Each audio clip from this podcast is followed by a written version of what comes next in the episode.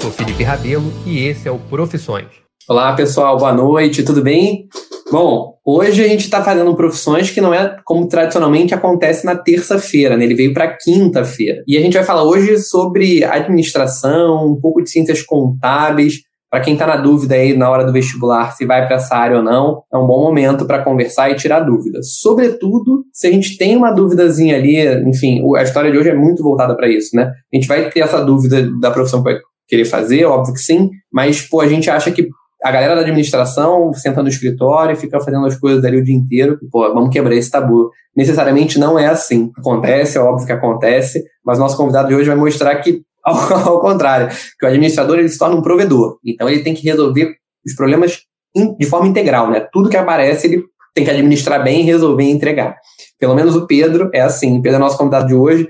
Pedro Loureiro, que, enfim, tem essas duas formações e que hoje é empresário do Rapper Renegatas, devem conhecer, e, obviamente, também conhecem a, a outra pessoa que ele agencia, da, do qual ele é empresário, que é Elza Soares, voz do milênio eleito pela UVC, enfim, a mulher do fim do mundo aí que tem cantado, enredo de escola de samba, Elda Soares conhecidíssima.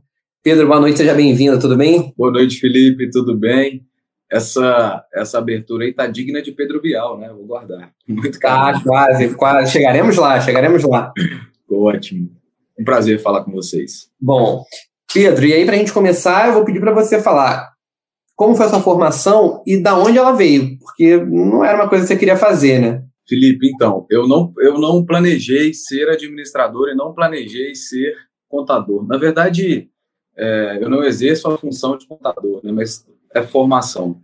E sou administrador. É, o meu sonho de vida era ser cantor. É, eu tenho um pai que cantou, né, cantou na noite, fez Elvis Presley, Renato Seus Blue Caps e tudo mais. E essa era, esse era o meu desejo é, que ia, ia na contramão das possibilidades da minha família, porque eu sou de família muito pobre, muito humilde. E ali a gente tinha que trabalhar e trabalhar cedo para poder ajudar dentro de casa. É, família em que a mãe é o esteio de tudo, sabe? Minha mãe sempre foi sempre foi a, a batalhadora, a guerreira. É, meu pai era quase um filho. Meu pai é vivo, minha mãe é falecida, mas meu pai é quase um filho dela. E eu precisava também contribuir dentro de casa, assim como meus irmãos mais velhos faziam. faziam. Eu sou caçula de quatro. É, e aí eu tinha o sonho de ser músico, era o que eu sonhava. Tive uma experiência é, em banda ali na época de colégio, eu acho que entre 12 e 14 anos, eu sou péssimo para data, mas acho que foi em torno disso. É, foi uma história é, interessante também. Eles precisavam de um baterista para uma banda, porque o baterista havia se machucado e a, a, festa seria a festa de primavera da escola e a banda iria tocar. A banda tinha uma vocalista mulher e precisavam de um baterista. E meu sonho era era era ser músico, cantar na, em banda e tal. Eu vi aquele anúncio e falei, cara, eu sou baterista, vamos fazer o teste? Você também era baterista? Não, eu não era baterista. Sensacional. Eu falei, eu sou baterista. O meu irmão tinha umas baquetas que ele usava de vez em quando na banda da escola. E eu falei, cara, tem a baqueta, já deve, já deve dar para fazer alguma coisa. E eles marcaram um ensaio. E aí, quando chegou lá para ensaiar, ô Pedrão, você já senta lá. Eu falei, não, eu vou observar, vai ensaiando aí, que eu quero observar vocês. Eu não sabia nem como sentava na bateria. Mas era o meu ímpeto, né, de querer fazer aquilo, de querer fazer acontecer. E aí o ensaio foi, foi rodando aquilo tudo. Pedro, você não. Eu falei, cara, eu tenho que tirar essas músicas com calma em casa. E aí, o, o menino que me convidou, que era da, da escola ali, falou comigo assim: Você não toca bateria, não, né? Eu falei: Não, não toco bateria, me desculpa, mas eu canto, eu juro que eu canto. E aí ele falou: ah, Então canta, então canta um negócio aí. E eu cantei é, ali na brincadeira e eles me convidaram para cantar junto com a vocalista na, nessa festa que era três dias depois. Aquilo para mim foi o auge. Eu cantei, eu lembro da minha irmã batendo palma lá embaixo. Legal. aquela coisa toda. É, tivemos mais umas experiências é, é, com a banda, mas aquilo acabou. E eu segui estudando, né? Segui estudando. Não, eu não havia definido o que eu queria fazer, mas eu era louco por jornalismo. Eu adorava direito e eu achava que eu ia ser engenheiro civil. Olha que loucura. Era isso tudo. E eu fazia aqueles testes vocacionais, né? E dava jornalismo, comunicação. Eu falava, meu Deus do céu, vamos. Ou seja, você é a síntese do aluno do intelecto. Que é isso, eles são assim também. Eles querem fazer tudo ao mesmo tempo, é sensacional. Eu queria fazer tudo ao mesmo é tempo. Isso. Eu queria cantar, mas eu queria fazer jornalismo, mas direito me, me chamava e eu achava que ia ser engenheiro. Mas publicidade, é, é, publicidade era uma coisa que passava também por minha, por minha cabeça, mas ainda era um curso ali muito ali na, na, na região do, do experimental, muito novo, que a gente chamava de curso para rico. Né? Sim. Eu, eu era de família pobre, tinha que ser curso para poder trabalhar e dar dinheiro. Administração e ciências contábeis nunca passou pela minha cabeça. Era um negócio que, se falasse comigo, eu até arrepiava, para você ter uma ideia. Do tamanho do preconceito que eu tinha, principalmente sobre contabilidade. Eu não sabia o que era. Eu achava que era como você falou na sua introdução, aquela coisa quadradinha, dentro de um escritório, cheirando a velho, aquelas pessoas já todas muito arcaicas e muito papel. Eu não estou, eu não estou dizendo que não existam formatos assim, mas eu achava que era só isso não se tinha outra opção de se fazer. E administrador, para mim, era aquele cara que é, é, cuidava da equipe, que tinha que pensar em tudo. Eu, eu, eu não havia sentido a, a administração na vida. Fui estudar. Minha mãe falou: você vai estudar, eu vou fazer de tudo só para você estudar. E aí, lá para os meus 18, 19 anos, já é, eu me formei é, com 18 anos, eu já, eu já estava me formando para é, eu não sei como chama agora, né? Terceiro ano chamava na minha. É, ensino médio, né? Você estava acabando o ensino médio. É, terceiro ano do segundo grau. E, e aí eu, eu, comentando com um amigo que era de uma banda, já era de um tempo de uma banda, eu falei, cara, vamos montar uma banda para a gente cantar na formatura e tal. Ele falou, vamos.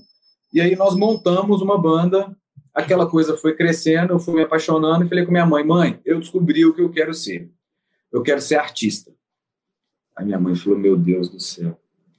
E agora? É, é, é, eu, eu sou privilegiado por ser homem, branco, é, de classe média, é, mas eu também sei o que é, é, passar necessidade na pele. Também sei uhum. exatamente o que é isso. Minha mãe nunca deixou faltar, faltar comida dentro de casa, mas durante muito tempo a, a, a comida foi arroz, banana e às vezes carne moída. E abacate que dava no quintal, minha mãe também fazia, que era uma, que era uma beleza. Uma mulher muito digna, nunca deixou faltar nada desde que não fosse o luxo, né? Sim. E aí imagina o desespero dela, é, é, um filho que ela enxergava algo que eu não enxergava, ela falava, Pedro, você pode ir longe e tal, você quer ser artista? Outro grande problema é, é, é que a gente enfrenta, que é o preconceito com o artista, né? as artes em geral é um trabalho como outro qualquer. Talvez em algum aspecto mais difícil, talvez em algum aspecto mais glamuroso, mas é trabalho, existe dedicação. É uma coisa que é um trabalho como outro qualquer. Mas naquela época a minha visão de arte era diferente. Eu achava que artista era a parte boa, cantar, aquela coisa toda. Então eu não associava aquilo a ganhar dinheiro. Eu, aí eu falei, mãe, eu vou ser artista. E foi isso.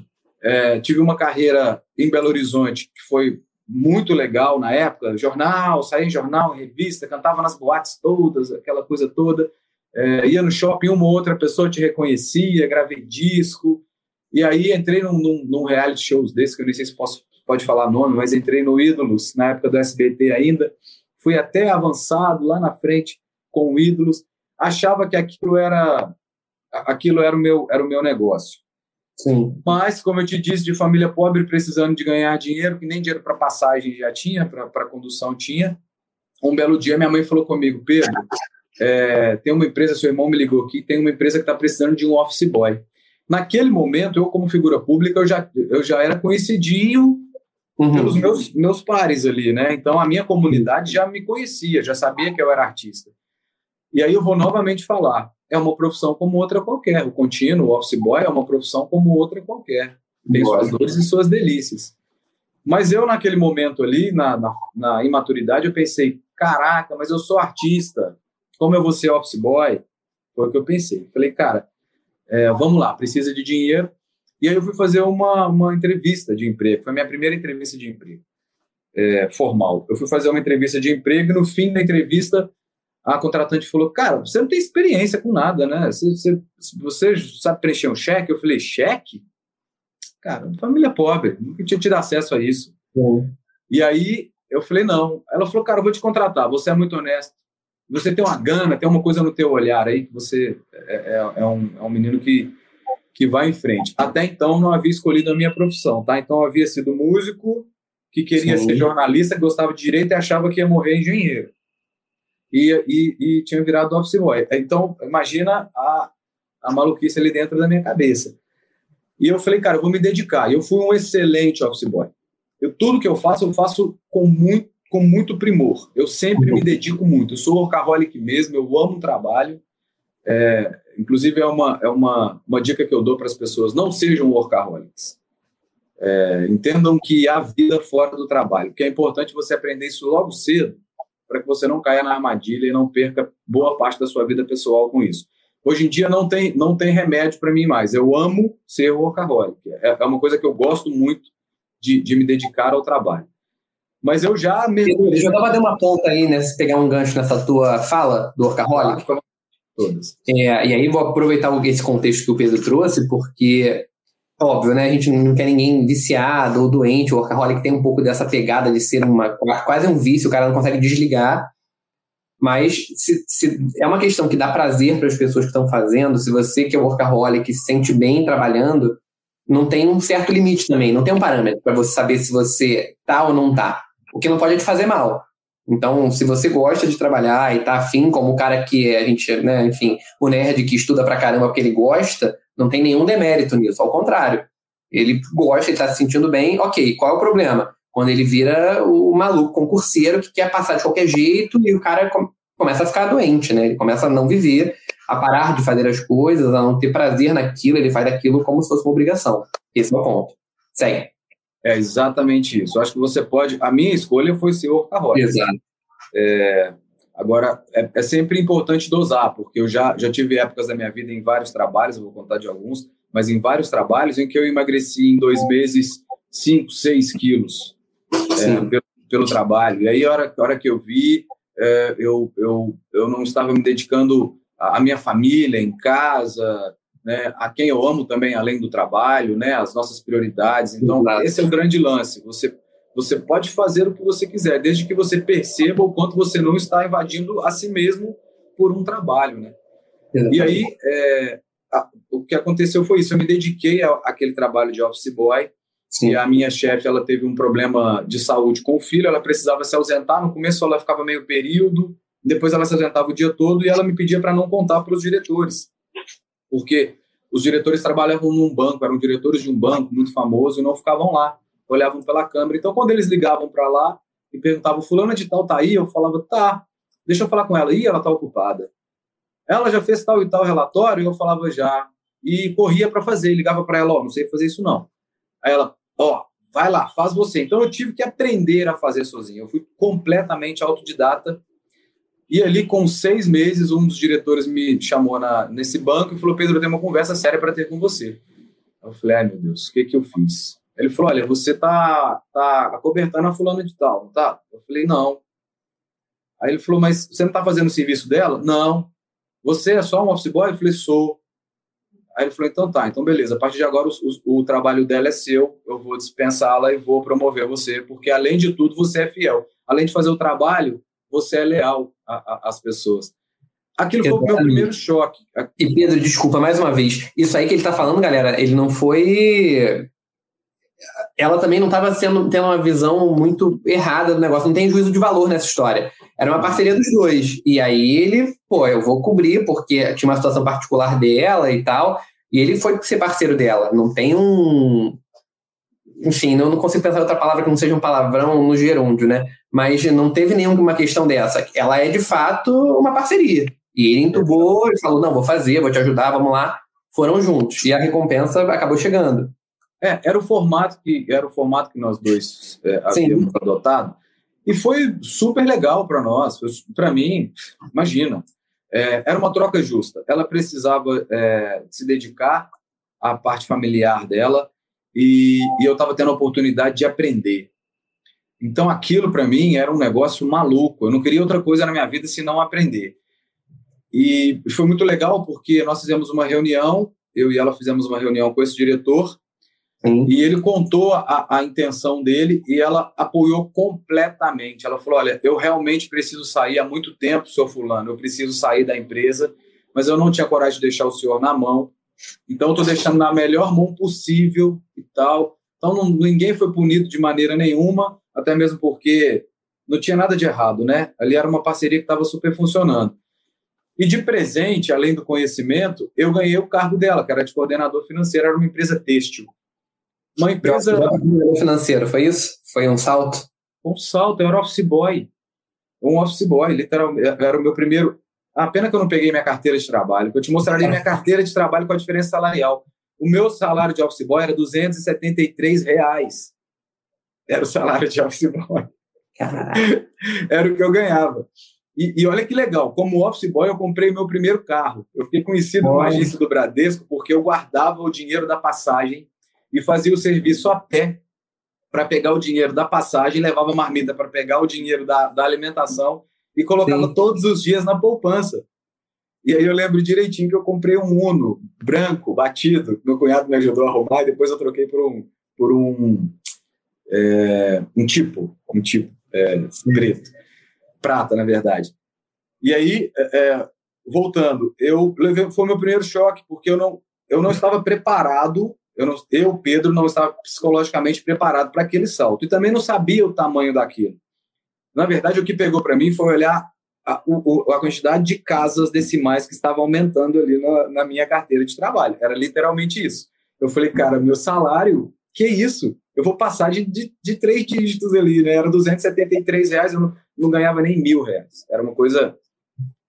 É, é, era de acordo com, com o salário mínimo da época e aí eu falei, eu vou, eu, eu vou aceitar isso aí, era um grande desafio.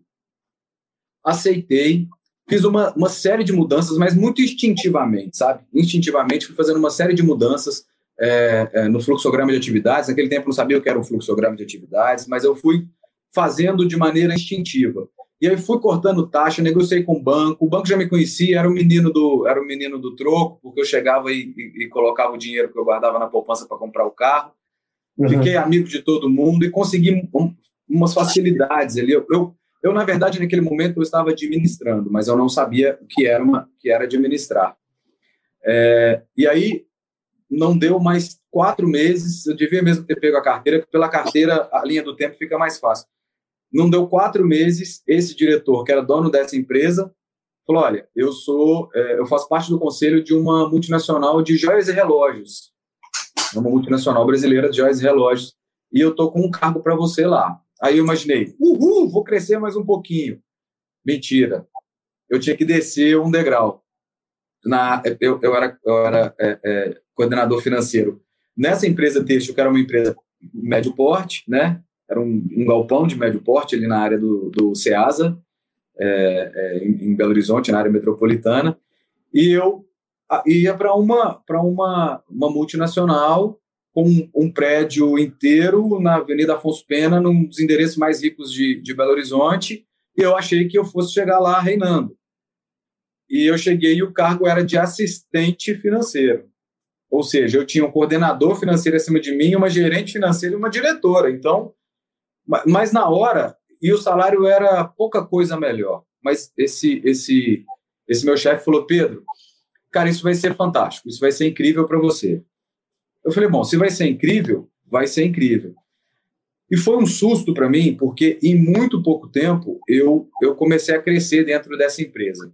E aí, nessa, nessa sessão onde eu trabalhava, é, em menos de um ano eu já era gerente financeiro. Eu só estava abaixo da diretora, que era filha de um dos sócios majoritários.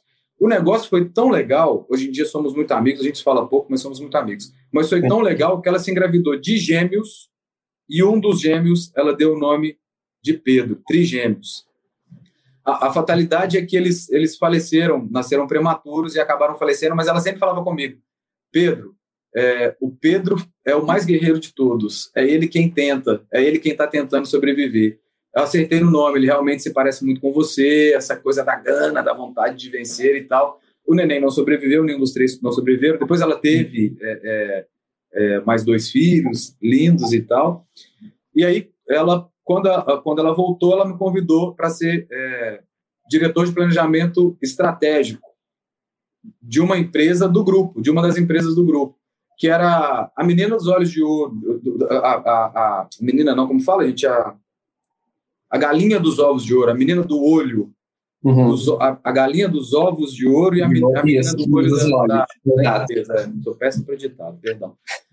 E aí, cara, é, eles me chamaram para isso, que era um desafio, e eu achei uma coisa sensacional. Quando eu cheguei, era um, era um, um diabo de, um, de uma pegadinha enorme, porque a empresa estava degringolando, eles é, tinham muito, muito problema em fazer marketing com aquilo, Uhum. Foi a minha primeira experiência com marketing. É, eu falei, cara, eu tenho, eu tenho que atuar em todas as áreas. Então eu ficava amigo das pessoas e eu muito novo, eu muito novo nessa época, né? Eu estava com 23 para 24 anos. E aí eu falei, cara, eu tenho que é, é, reunir com essas pessoas para dar sugestões. E todo mundo muito mais velho do que eu. E eu era o menino, ah, ah fala com esse menino aí, esse menino sabe de nada e tal. Eu era esse menino e sofria a pressão de estar pegando um cargo de liderança que, que era de um dos, dos, dos, sócios. E eu falei, cara, eu, eu vou me reinventar. E aí eu me reinventei, as, as vendas da, da empresa começaram a subir absurdamente, eu comecei a criar ideias, eu tinha umas ideias muito malucas, e um headhunter que fazia serviço para a empresa me conheceu. Falou, cara, você é um menino prodígio da administração. Aí eu, administração? Ele falou, é vamos fazer o seguinte, eu quero te ajudar. Eu quero ser um padrinho teu aí, quero te ajudar a fazer as coisas. Eu falei, ai meu Deus, que, não tem dinheiro não, o que, que é? O que, que precisa? Ele, não, eu vou, vou ser seu coaching aí, vou te dar umas dicas e vou batalhar umas, umas entradas para você em alguns lugares. Vamos fazer assim? Se der certo, para mim é ótimo, porque ele recebe das empresas, né? Ele, ele leva o profissional e recebe das empresas. E aí ele falou, ó, vai ser ótimo e tal. E a primeira coisa que ele falou comigo é, você precisa fazer uma faculdade. Eu só tive Pedro, deixa eu só dar um complemento aqui também, só que pode não ter ficado claro, né? Headhunter, aí para quem não sabe o que é um Headhunter, Headhunter é um profissional hoje de mercado e ele tem o trabalho de rantear, né, como a gente costuma falar, profissionais. Então, sei lá, eu tenho uma vaga de diretor no Intellect, por exemplo, que está vazia. A gente contrata um Hunter, esse Hunter vai entender a empresa, vai entender o perfil de vaga que a gente quer e vai no mercado caçar esse cara. Ele pode estar trabalhando em outra empresa, ele pode estar desempregado, ele pode ser, sei lá, o Intellect quer fazer um movimento de mudança de marca e a gente precisa de um diretor que tenha um perfil de viagens, porque a gente quer, sei lá, abrir um Intellect em São Paulo. Ele vai caçar alguém de viagem para trazer, enfim, o Hunter tem essa função, para deixar isso claro. Exatamente. Eu, eu, eu, costumava, eu costumava chamar ele de caça-talentos, né? Porque ele fazia isso comigo e com várias outras pessoas Sim. muito bem-sucedidas.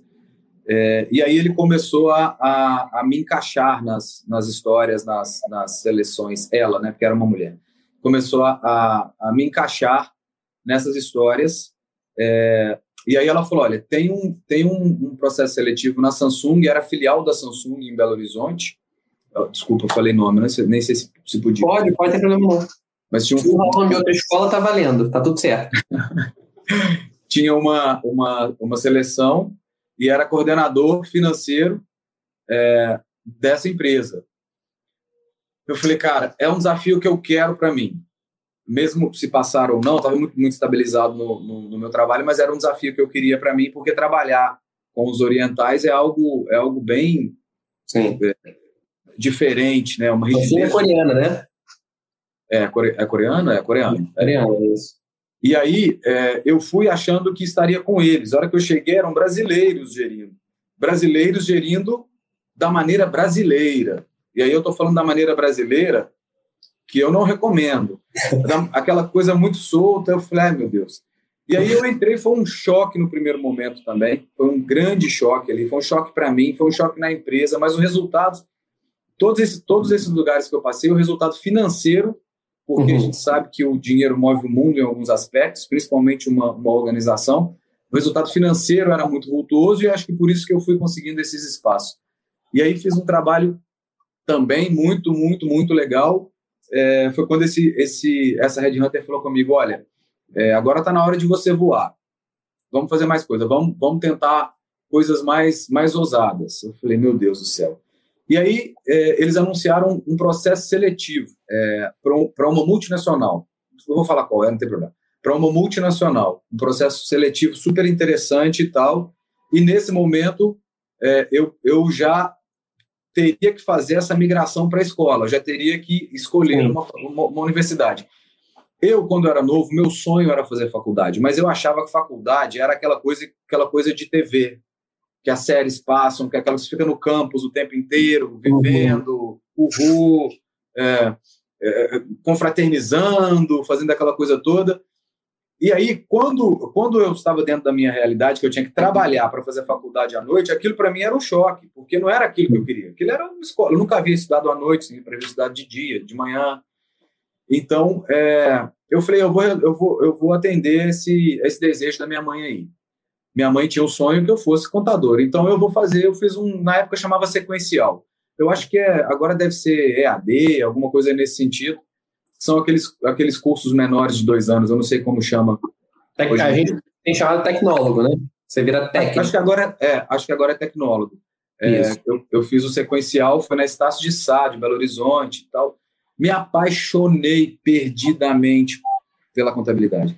Mas me apaixonei de uma maneira que eu não queria mais saber de música. Eu falei, meu Deus, isso é o céu para mim. Eu amo esse lugar, é isso que eu quero fazer e tal, eu não quero fazer outra coisa. Olha que maluquice, né? Eu saí de, de A a Z. Mas por quê? Porque eu experimentei o trabalho primeiro, a execução do trabalho primeiro, e aí fui me, me, me graduar. Eu, eu fiz o inverso, né? Mas a realidade brasileira é essa, você tem que se ajustar da maneira que você consegue. Sim. E aí, é, eu completei o meu curso, primeiro esse de, de é, contabilidade, né, sequencial de contabilidade, e logo falei, cara, eu já sei o que eu quero fazer. Eu quero gerir. Eu quero gerir empresas. É o meu lance. Porque era, era basicamente isso que eu fazia nos meus setores. E aí eu fui estudar um pouquinho, fui entender qual era o curso que mais, mais se assemelhava a isso. Porque na contabilidade eu não consegui isso. Eu não aprendi a gerenciar. Eu aprendi a gerenciar números, mas não a gerenciar pessoas. Eu falei, cara, eu quero isso. E aí eu pesquisei e encontrei a administração com ênfase em gestão de negócios, que foi minha faculdade. Aí foi, foi a, a, a universidade formal que eu fiz na Faculdade Promove. É, uhum. Faculdade Mineira, que não, tem muito tempo que eu, não, que eu não, não, não, estou em Minas, eu não sei nem se ela, se ela ainda existe por conta dessa crise toda aí, na educação. Sim. Mas eu, eu entrei na faculdade, que foi nesse momento em que, em que eu participei desse processo seletivo, eu estava ali, né, é, entrando na faculdade e participei de um processo seletivo extremamente longo, Sim. Bom, no último dia, no dia da conclusão, foi uma zona, porque meu carro ferveu o motor eu indo para a última entrevista. Eu passei por um processo seletivo que foram oito etapas. Nossa. É muito complicado. E na última etapa ficou eu, depois eu vim, eu vim a saber isso, né? Ficou eu e duas, e duas mulheres. Sim. Até muito mais gabaritadas do que eu. E, e além de tudo, é, desculpa o parênteses, mas a, a mulher gere o mundo. Então a mulher, para mim, ela é sempre muito melhor do que nossa. Sim. todo respeito a, a, a, a, nós homens, mas a mulher sabe fazer de uma maneira que nós não sabemos ainda. A mulher Exato. aprende as coisas com uma clareza que nós não conseguimos aprender ainda. Eu acho sim que a mulher é, é, é o futuro da humanidade. Eu acho que a gente só tem, só tem alguma chance se as mulheres é, é, é, é conseguirem realmente o espaço delas. Eu sempre, sempre pensei assim. Por isso que eu acredito na, na máxima de que Deus é mulher, porque Deus, essa energia divina, foi quem gerou o mundo, né? A, a Terra é o útero ali. Deus é, é Deus é essa energia feminina para mim. Sim, então, legal. Eu já havia entrado naquela história ali perdendo, porque eu já eu já havia, eu já sabia que tinham duas mulheres é, é, junto comigo e eu falei, cara, não dá. Uhum. A mulherada vai entrar me massacrando aí. Eu tô eu tô é frito. E depois eu vim eu vim a saber que as duas eram muito gabaritadas é, pós-graduação, doutorado em marketing e administração, era uma coisa assim, as duas já estavam bem avançadas em termos de formação. É, um, um pouco mais velhas do que eu, porque eu também era novo, né? E aí, aos 24 anos, eu recebi a, a, a notícia. Como eu te disse, eu cheguei uns cinco minutos atrasados na, na entrevista, quase fui eliminado por conta disso. Uhum. E aí, vou uhum. confessar para vocês, eu tenho um problema com o cronômetro que é um inferno. Então, se eu não ficar muito vigiando ele, eu atraso. Eu sou esse cara que, se eu não vigiar demais, eu atraso. Porque eu faço 10 milhões de coisas ao mesmo tempo e todas são prioridades para mim. Então, às vezes, eu, eu tenho que ficar muito de olho. Fato Sim. esse que a gente está tentando fazer essa entrevista tem um tempo, né? Verdade, alguns bons meses. Alguns bons meses. E sempre acontece uma coisa, eu te peço desculpas, não consigo, e agora, agora a gente conseguiu. Sim. E aí eu fui para a entrevista, eu já estava nervoso, suado, porque né, aquela coisa toda, e eu fui entrevistado por uma mulher é, fantástica, hoje em dia é muito amiga minha. E ao fim da, da, da entrevista, ela falou: Olha, muito bem, você está contratado, você é gerente de operações do Hard Rock Café. Aí eu, uau! Legal. Falei, meu Deus. Aí eu falei, Hard Rock Café. Cara, aquilo para mim era, era o céu, porque eu escutava falar de Hard Rock Café, porque eu tinha entrado no Hard Rock Café. É, as camisas, que aquelas jaquetas famosas, jeans do Hard Rock Café, que eu não tive, mas primo tinha, e eu falava, meu Deus, aí Aí veio tudo, aí veio, a, a, aí veio aquela sensação de novo do glamour, é, da música, do entretenimento, junto com a administração. Eu fiquei inebriado, assim. E, e a minha primeira, a, meu primeiro ato, depois que, que passei, era uma viagem para o Rio de Janeiro. Aos 24 anos, eu nunca tinha viajado sozinho. Uhum. Eu, nunca, eu nunca tinha viajado de avião. Olha que legal.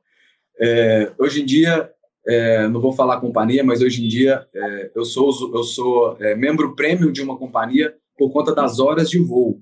Olha como, a vida, olha como a vida da gente é um, é um negócio muito louco. Né? Aos 24 anos eu nunca tinha subido, é, é, subido num avião. E, e, e Rio de Janeiro, para mim, era a paixão da minha vida.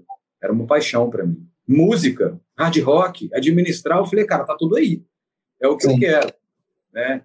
E aí eu lembro, eu lembro de cada sensação. Eu lembro que eu fiquei no Royal Barra, que é um hotel que tem na Barra da Tijuca, ali, sim, sim, na saída do PP. Eu lembro da sensação se eu fechar os olhos, eu lembro do cheiro do quarto. Eu lembro de Não. tudo. Eu lembro de tudo. Coisa, foi muito marcante. Marcou muito, né? Hã? Foi muito marcante para você esse momento foi. todo, então você curtiu do começo ao final. Do, do começo ao fim. Claro, tiveram uns problemas. Eu vim para um treinamento aqui no Rio, o Rádio Rock era ali no, no Titã América. E aí eu vim para o treinamento, aí tranquei faculdade, ficou aquela, aquela confusão toda, porque eu, eu é, é, fui gerente de operações é, do Rádio Rock Café de Belo Horizonte, né? Uhum. É, e aí minha correspondência, minha, minha correspondência contábil era do Hard Rock aqui do Rio de Janeiro. Então, é, eu trabalhava uhum. em dois Hard Rocks, né? Uhum. Mas com a, a, gerência de operação, ou seja, a gerência em loco em Belo Horizonte. E o hard rock estava num momento muito ruim, porque foi feito numa, num shopping que não tinha dado certo, lá em Belo Horizonte, aquela coisa toda. E vai Pedro se reinventar. Também. Um shopping que não deu certo, infelizmente fechou. É horrível. É. E aí vai Pedro se reinventar. E eu me reinventei.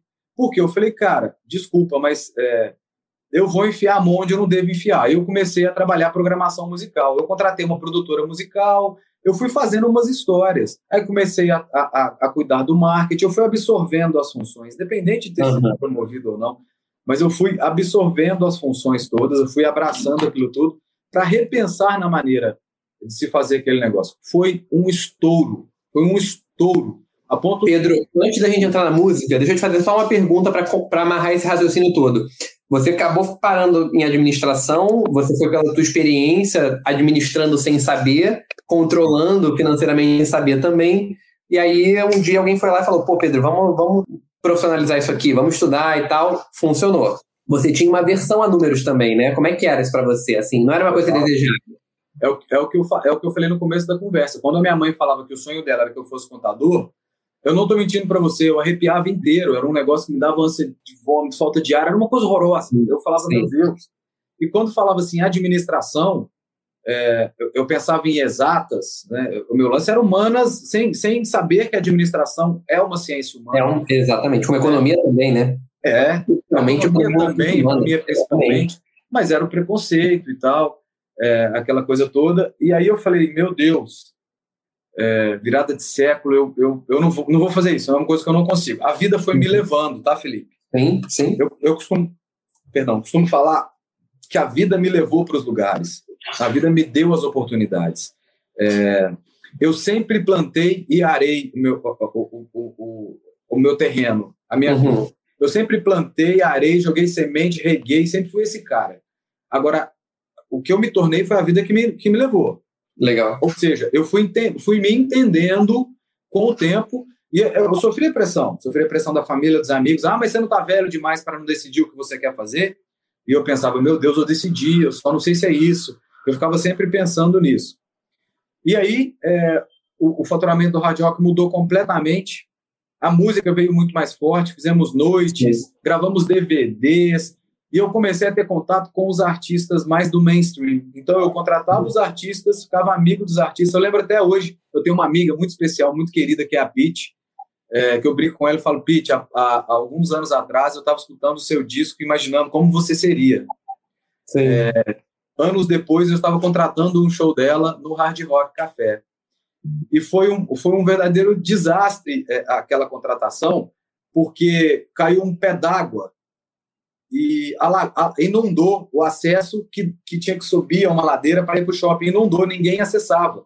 Então a Pete fez um show para pouquíssimas pessoas, para 15, 20 pessoas lá, mas ela muito direita, muito honrada, ela falou: vou fazer. E Pete, aquele fenômeno, as pessoas se rasgavam para estar com ela e as pessoas não conseguiam subir para chegar naquilo, né? E hoje em dia é, somos grandes amigos. Eu, e eu tive o meu primeiro contato ali com, com os artistas, é, foi nesse momento. Ah, Mas legal. eu não estava satisfeito, porque uhum. é, a, a, o, o, bichinho da insatisfação do não é isso ainda estava me consumindo Sim. por dentro. E aí eu falei com esse Red, com essa Red Hunter que a gente já, não se falava já tinha um tempo. Eu falei, olha, não é isso que eu quero. Eu quero. Eu, eu, eu no hard rock, fiz um trabalho incrível, fiquei lá dois anos e meio, se não me engano. E aí eu falei, eu quero mudar. Mas eu quero uma coisa que seja muito diferente. Ela falou, por que você não muda de cidade? Aí eu falei, cara, mudar de cidade, ela, por que você não, não vai administrar em outra cidade? Vai, vamos escolher uma cidade para você. E aí ela achou uma vaga em Ribeirão Preto, interior de São uhum. Paulo. Eu lembro que meu pai falava, lá é a Califórnia brasileira, você vai apaixonar e tal. E era uma, era uma rede de restaurante de comida saudável. E, a, e, e, e, com ênfase em açaí. Eu sempre fui apaixonado com açaí. Eu falei, caraca, mas é aquela coisa, eu não sabia o, o que seria a, a, ali. Eu, eu na, até o Hard Rock Café, eu era gerente de operações. É, em Ribeirão Preto, eu, fui, eu, eu disputei uma vaga de gerente geral, foi uma outra história. Aí eu gerenciava Sim. todo mundo, né? E sempre com aquele problema da pouca idade com relação aos, aos, aos gerenciados ali que tinham mais idade do que eu, então uhum. tinham um dedo apontado ali direto para mim. E aí eu fui para pro, pro, Ribeirão Preto, aluguei uma casa, é, fui morar sozinho, a primeira vez que fui morar sozinho, aquela coisa toda. Foi uma experiência fantástica para mim, porque foi a primeira vez em que eu gerenciei é, alguma coisa e a primeira vez em que eu vi a relação funcionário e, e, e, e patrão, entre aspas, e eu uhum. tive que aprender a lidar com aquilo. Para você ter uma ideia, é, eu fui trabalhar no, no, no, dia. A hora que eu cheguei em casa, minha casa estava mobiliada com micro-ondas, com é, coxa na cama, tudo uhum. cheio de coisas. E aí, um recado era, eram as funcionárias que entraram em contato com a imobiliária, falaram que era da minha família, que tinha que colocar umas coisas lá. Elas fizeram uma surpresa para mim. E, e, eu tinha que aprender a lidar com aquilo tudo. Eu falei, meu Deus, muito, é, é, complicado ali, né? Uma relação muito delicada. E aí foi um período próspero, mas a minha irmã engravidou. Uhum. Era um sonho nosso que ela engravidasse. A Patrícia, deve, ela deve estar me assistindo. É, ela engravidou e, e eu queria estar perto daquilo. A gravidez dela foi muito tumultuada. E o meu uhum. afilhado, é, que chama Pedro, Pedro Augusto, deve estar me assistindo também, é meu Pedrinho. É, ela deu esse nome aí é, em homenagem, fez uma, uma homenagem lá para mim. Ele uhum. havia nascido prematuro, ele estava para nascer prematuro e a gente não sabia o que ia dar. E aí eu entrei em contato com esse outro, com, esse com essa Red Hunter, amiga minha, e falei, cara, você vai me matar, mas eu quero mudar. Ai, Pedro, pelo amor de Deus, você está indo tão bem aí, para mim nem é legal ficar te trocando de lugar desse jeito. Eu falei, olha, tem um, tem um vulcão estourando aqui, eu não sei te falar o que é. Eu quero, eu, eu tenho que mudar. E eu, e eu quero, e a minha irmã está é, precisando de mim, eu preciso voltar para Belo Horizonte, me volta para lá. Aí ela falou: ó, tem um processo seletivo aqui é, que é muito interessante, mas é muito difícil e esse não vai dar, não vai dar pé para você, não. Uhum. Até mesmo porque né, você, ainda está em formação e tal, mas eu já estava finalizando ali a, a, a administração. Ela falou: você tinha que ter pelo menos um, um doutorado, um mestrado, mas vamos participar desse processo. É um processo para 3 mil candidatos, vamos participar desse processo uhum. e você vai entender como funcionam esses processos. Aí você fica mais um tempo aí em Ribeirão Preto e eu vou caçar umas outras coisas em Belo Horizonte para você. Cara, foi um, foi um, um, um estouro, porque eu fiz o processo, passei todas as etapas, cheguei na final do processo e fui contratado. Legal. Eles revelaram para mim no final do processo, na, na, penúltima etapa onde era. E aí era um negócio que para mim era muito fora da curva, porque uhum. era para ser gerente de operações do Aeroporto Internacional Tancredo Neves, o famoso aeroporto de Confins. Lá em BH, sim. Em Belo Horizonte, o Aeroporto Internacional de Belo Horizonte. E eu teria, eu, eu teria que gerir várias lojas. Uhum. Então era um Espoleto, um Café Ritasa, um Bob's, é, um Panini, eram várias lojas. E tinham lojas que eram dentro da sala de embarque do doméstico, dentro da sala de embarque do internacional, na área de alimentação. Era uma coisa maluca, com dezenas de funcionários, com um monte de problema, com problemas de estoque seríssimos, em que eu teria que ser um administrador quase sozinho. É, porque o, o, meu imediato, é, eu, eu tinha um imediato em São Paulo, mas o meu, meu diretor imediato, ele é um francês, né? A empresa é uma empresa francesa. E aí eu falei, cara, o que, que eu vou fazer com isso? Mas eu falei, eu vou fazer do meu jeito. Eu sempre fui muito, muito, muito intuitivo na maneira de administrar. E eu já ia, eu já, já tinha feito a faculdade, é, eu já sabia como administrar, eu já sabia como trazer para a, a, minha teoria para a prática, meus experimentos, aquilo que eu não concordava na faculdade, eu já, já sabia fazer diferente, eu fazia com mais segurança. E aí administrei o aeroporto é, é, toda, toda essa área, essa área de alimentação é, que me cabia do aeroporto, tinha outros restaurantes também, mas tudo Sim. que me cabia. E eu, eu não vou falar em números, mas eu peguei a, a, a, empresa com um faturamento muito, muito, muito abaixo da expectativa média dos últimos anos. Era um negócio muito louco. E o primeiro problema que eu identifiquei era um, um ralo aberto no estoque. Imagina estoque de aeroporto. A burocracia que não é para você levar qualquer mercadoria para dentro dos locais. E aí, no meio do processo, muita coisa não chegava nos locais. Muita coisa ficava pelos locais. Nossa, tinha que chegar, é, tinha que chegar 10 caixas de Nespresso, 10 caixas com não sei quantos Nespressos. É, a hora que você fazia a contagem, tinha nove, oito caixas, ninguém sabia explicar muito bem o que era aquilo, muita gente, aquela coisa toda. E aí eu, eu, eu, eu tinha é, um gerente de operações para cada, para cada uhum. unidade, né? É, é, eram quatro subordinados que cuidavam das outras unidades, ou seja, eu era gerente dos gerentes. Sim. É, e eu gerenciava essa equipe que cuidava das unidades. Foram pessoas fantásticas. Eu falei, olha, a gente vai fazer um choque de gestão nisso aqui.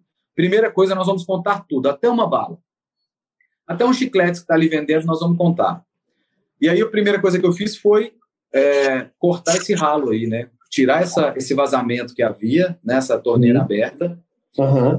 E a gente precisava dobrar o número de, de faturamento e crescer. E eu falei, cara, eu, eu não sei. Um dia eu parei, eu estava na, na praça de alimentação, parei para observar a minha equipe trabalhando. É, na praça de alimentação eu tinha três lojas, três grandes uhum. lojas. E eu parei para ver cada um atendendo naquilo. E eu, eu amo café, sou apaixonado por café. E eu reparei que ninguém havia oferecido café para ninguém. Falei, cara, vou, vou fazer uma reunião com a equipe. Falei, galera, nós vamos virar o nosso faturamento vendendo café. Todo mundo riu da minha cara, inclusive os, os gerentes que eu gerenciava, eles eram muito mais velhos do que eu.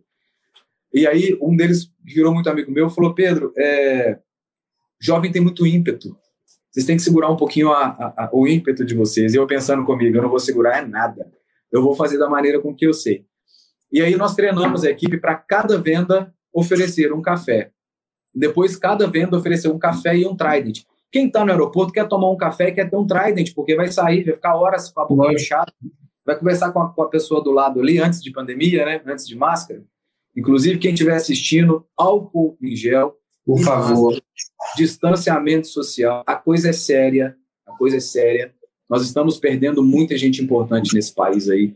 Não podemos perder mais gente. Então, vamos fazer a nossa parte para daqui a pouquinho chegar a vacina para todo mundo, tá? Enquanto o desgoverno não resolve o nosso problema. Então, é, voltando aqui, é, eu comecei, eu brinco que comecei a vender café. Uhum. E, e, aí, quem tomava um café, abriu o apetite, pedia alguma coisa. E o negócio virou uma coisa, eu tive que contratar funcionário, aquela loucura, aquela coisa toda. Com oito meses de empresa, nós fomos ter a convenção. Uma convenção no hotel Fazenda, hotel Resort, aquela coisa toda. E eles foram apresentar de todos os aeroportos brasileiros. Pensa nisso todos os aeroportos brasileiros. Todos eles tinham um, um, um, um GE, né? É, que era o, o, o, o, eu era o GE né? O gerente de operações ali. De Confins, é. Uhum. Aí você tinha em Guarulhos, em Santos Dumont. Você tinha cada um, você tinha o seu, o seu gerente geral ali. E eu nem imaginava nada em, em, em termos de resultado. Eu devia ter pego um troféuzinho, o troféu tem muito orgulho dele. É, e aí o que acontece? A hora que eles foram anunciar as três posições, anunciaram uhum. quem ficou, quem foi o melhor resultado em terceiro lugar. O segundo, a hora que começou o primeiro lugar, começou a tocar YouTube. Eu sou alucinado com YouTube. Começou a tocar Beautiful Day. E aí eu falei, cara, é, quem ganhou também gosta de YouTube, vai receber uma homenagem. E aí eles fizeram uma espécie de arquivo confidencial, pegaram pessoas da minha família, subiram um vídeo, era minha mãe, cara. A minha mãe. E a primeira coisa que ela falou, tem esse vídeo, eu subi nas redes sociais algumas vezes. A primeira coisa que ela falou para mim foi: a minha mãe é, a, é a, a, a, mulher da minha vida, a grande figura da minha vida. Sim. Tá? É uma mulher que é, o mundo deveria ter conhecido. É uma mulher muito fantástica. E aí, é, ela é da mesma árvore de Elza Soares, sabe? A gente vai falar daqui a pouquinho dela. E aí era minha mãe abrindo, abrindo a, o vídeo falando: Ah, o Pedro, é, o meu filho tem uma, uma característica que eu amo. É, o meu filho é muito honesto. Essa é a maior característica dele. O resto ele corre atrás. E aí foi esse vídeo, foi aquela, aquela coisa fantástica, aquele negócio todo. E eu fiquei muito inebriado com aquilo. Eu não entendi o que estava acontecendo. De repente, todo mundo veio, Pedro e tal. E aí eles mandaram um microfone para eu fazer um discurso, e eu fiz um discurso tão espontâneo que eu falei, é, bom, agora para mim então é ser presidente da empresa, né? Foi o que eu falei. que é o que eu senti na, na, naquele momento. Mas aí, Felipe, eu acreditei no personagem que me contaram. Sim. Eu acreditei que eu era um grande administrador, que tinha feito um resultado maravilhoso, e a bem da verdade é que nós não somos nada nós não somos nada. Nós somos um grãozinho de areia que está batalhando uhum. nessa vida aqui, que daqui a pouco, se não tiver mais aqui, pouca gente vai se lembrar. Mas eu era muito novo para ter, ter essa, essa visão ainda, né? Essa que eu tenho. É, então, Pô, achava... um abraço aí, hein? Tá falando que é o melhor empresário do Brasil, ó, comentando aí no, no nosso papo. Abraço, renegado. Daqui a pouco eu vou falar desse menino também. Esse cara, é, esse menino é um menino fantástico. Esse, esse é outro que Agora eu não posso falar que precisa, porque o Brasil está conhecendo muito, né? Sim. É, mas o Brasil precisa conhecer cada vez mais que esse cara é um cara fantástico. É possivelmente um dos caras mais incríveis que eu conheci em toda a minha vida. Olha que eu conheço gente para um caralho. Além de ser um artista fora do comum. Fora do comum. É um cara fantástico e um artista realmente fora do comum. Para mim, um dos, dos, sem dúvida alguma, um dos top five dos, dos artistas negros desse país. O Renegado está lá, tá lá dentro e e a batalha é, inclusive, para que todo mundo possa conhecer esse renegado que a gente conhece. Vamos para a é... música, Pedro. Vamos falar de música. Vamos, vamos para a música. Vamos fazer, aí, essa, vamos fazer esse como... intervalo aí. E aí, como é que você chegou na música? Aí, aí, é, é chegou não, né? você já nasceu na música, mas como é que você retornou para a música? Ela, ela ficou lá atrás. Na administração. Gente, esse homem cantou no Rock in Rio. Entendam isso. Então, a minha carreira como cantor, ela havia ficado quietinha. Sim. Eu deixei ela quieta. É, no aeroporto de Confins, o que aconteceu? Eu acreditei naquele personagem do administrador uhum. e eu comecei a viver muito aquilo. Mas assim, aí é que eu falo que é o momento em que o workaholic passa do limite. O aeroporto de Confins é longe de Belo Horizonte. Para voltar para casa, às vezes ficava muito cansativo para mim. Então, eu dormia no carro.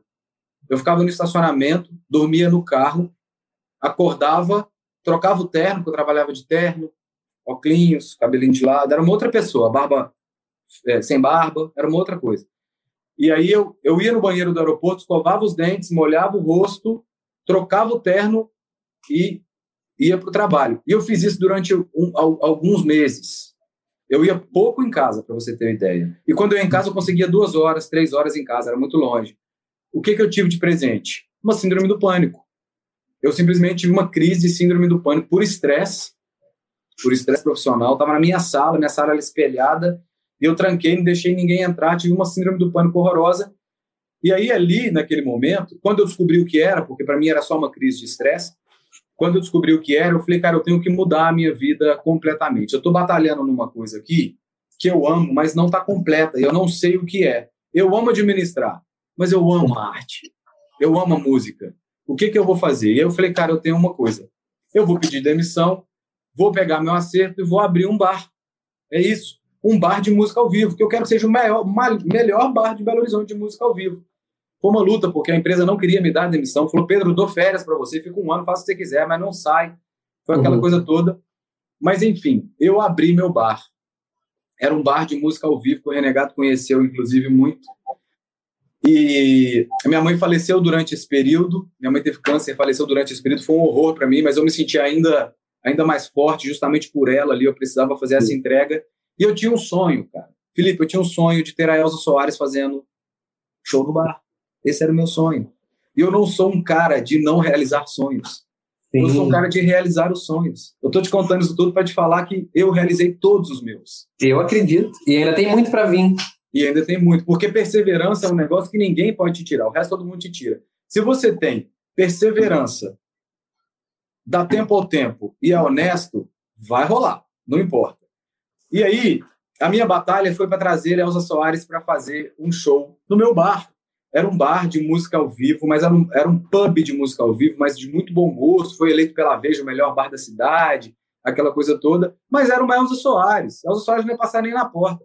O Milton Nascimento já tinha ido visitar, Loborges, saudoso Vanderly e tantos outros, tanta gente fantástica é, é, passava por ali. E aí eu falei, cara, um belo dia um dos clientes era um ex-marido da Elza Soares, eu contei essa história para ele, ele falou, escreve um e-mail para ela. Eu falei, escreve um e-mail para ela? É, escreve um e-mail. E eu escrevi um e-mail para ela.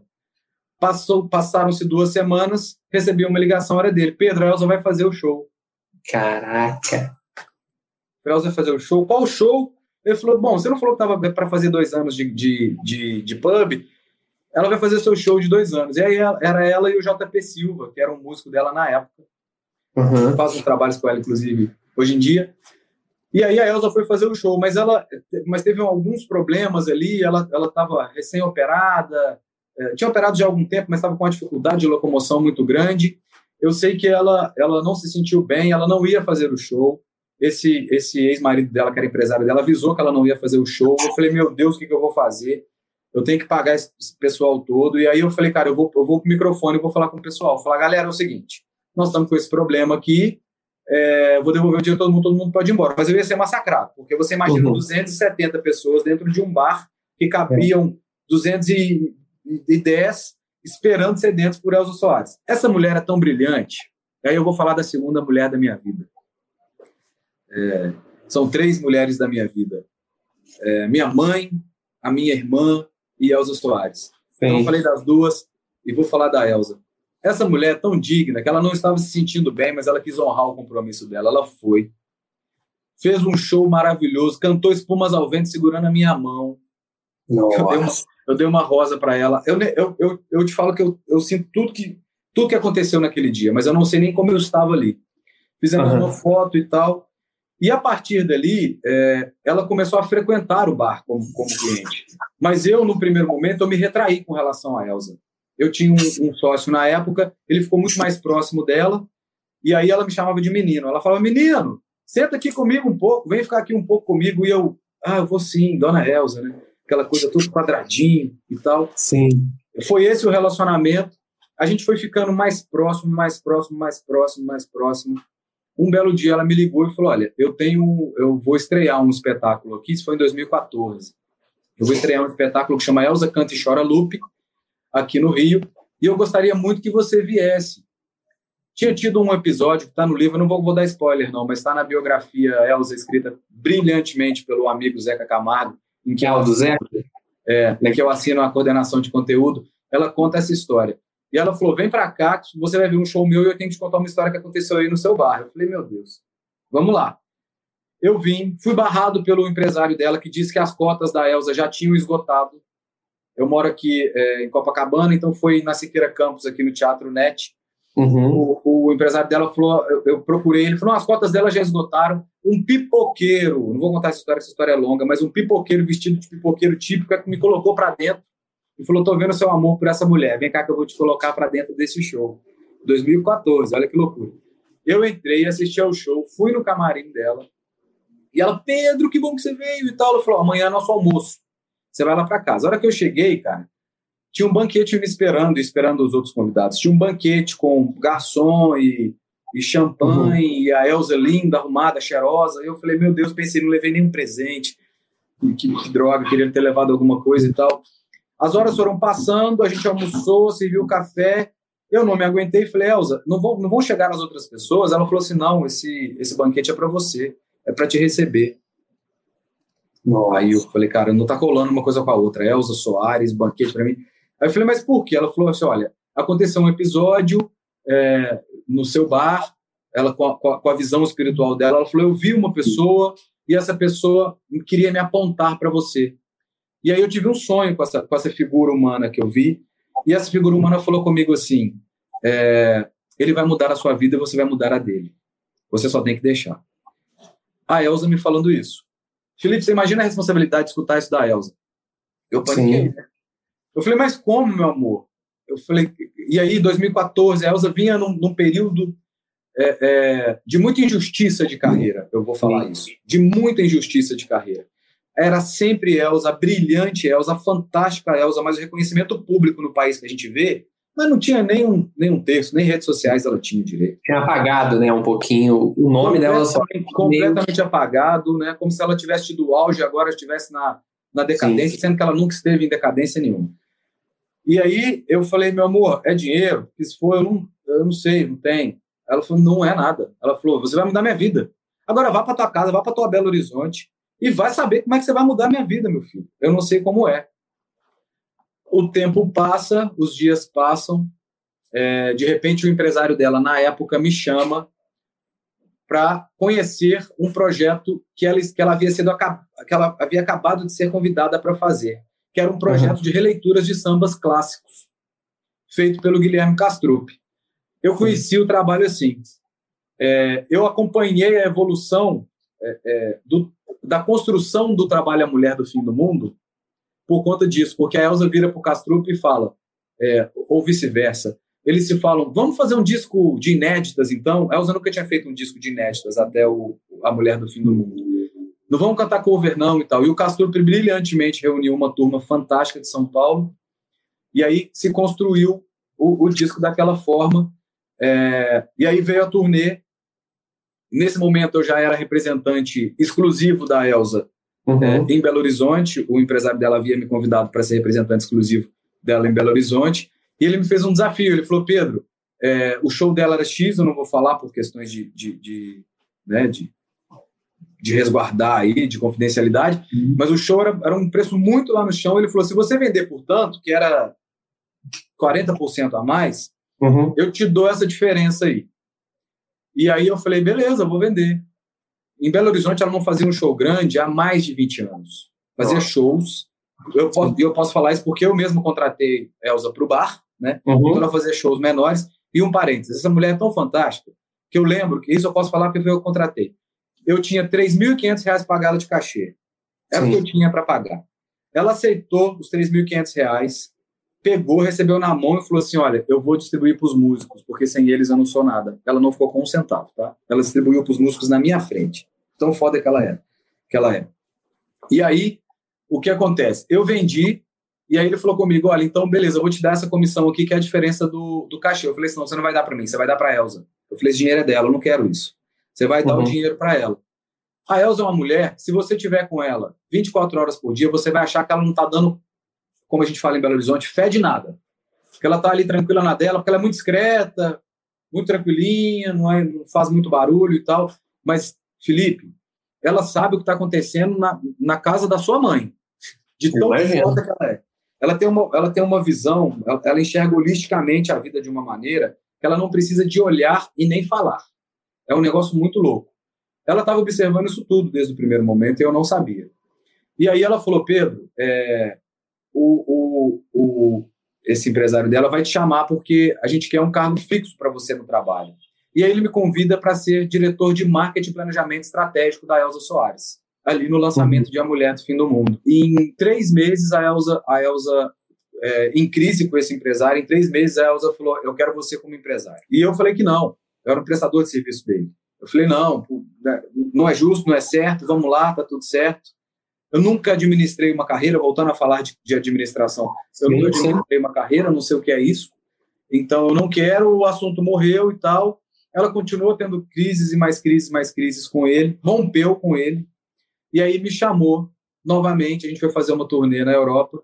Aí, eu, era eu que vendia os shows, era eu quem cuidava do planejamento de marketing, fazia as campanhas, quem cuidava da, da gestão das redes sociais, eu tinha a equipe que trabalhava uhum. comigo, quem cuidava da gestão é, de assessoria de imprensa, era, era uma equipe que trabalhava comigo. E aí, nós fomos fazer uma turnê e eu havia fechado o Bial para ela fazer o Bial. Eu nunca tinha feito Bial, era louco com, o Pedro Bial. Eu havia fechado Sim. o Bial para ela falar sobre um novo momento de carreira da Elsa, ou seja, ali naquele começo ali, é, 2016, 2017, né? 2017, precisamente. E, e aí fomos fazer a entrevista. No meio da entrevista, o Bial pergunta para ela: e você, esse momento seu de agora? Ela falou: Bial, eu estou muito bem eu estou muito feliz. Eu estou muito feliz na minha carreira. É, até mesmo porque eu quero apresentar para vocês meu novo empresário, Pedro Loureiro. Sim. Eu estava na plateia. Eu não sabia dessa novidade. E aí o Biel brincou e falou: ah, aquele menino bonito, barbudo ali, ainda eu li. Aí ele me deu, mandou o microfone para mim. E aí eu brinquei, tem isso no YouTube, eu brinco e falo, ah, bom, é, empresariar é um prazer, até mesmo porque eu estou sabendo disso agora. foi assim que eu me tornei empresário da Elza Soares. E o meu compromisso, ou seja, foi, um, foi uma decisão dela.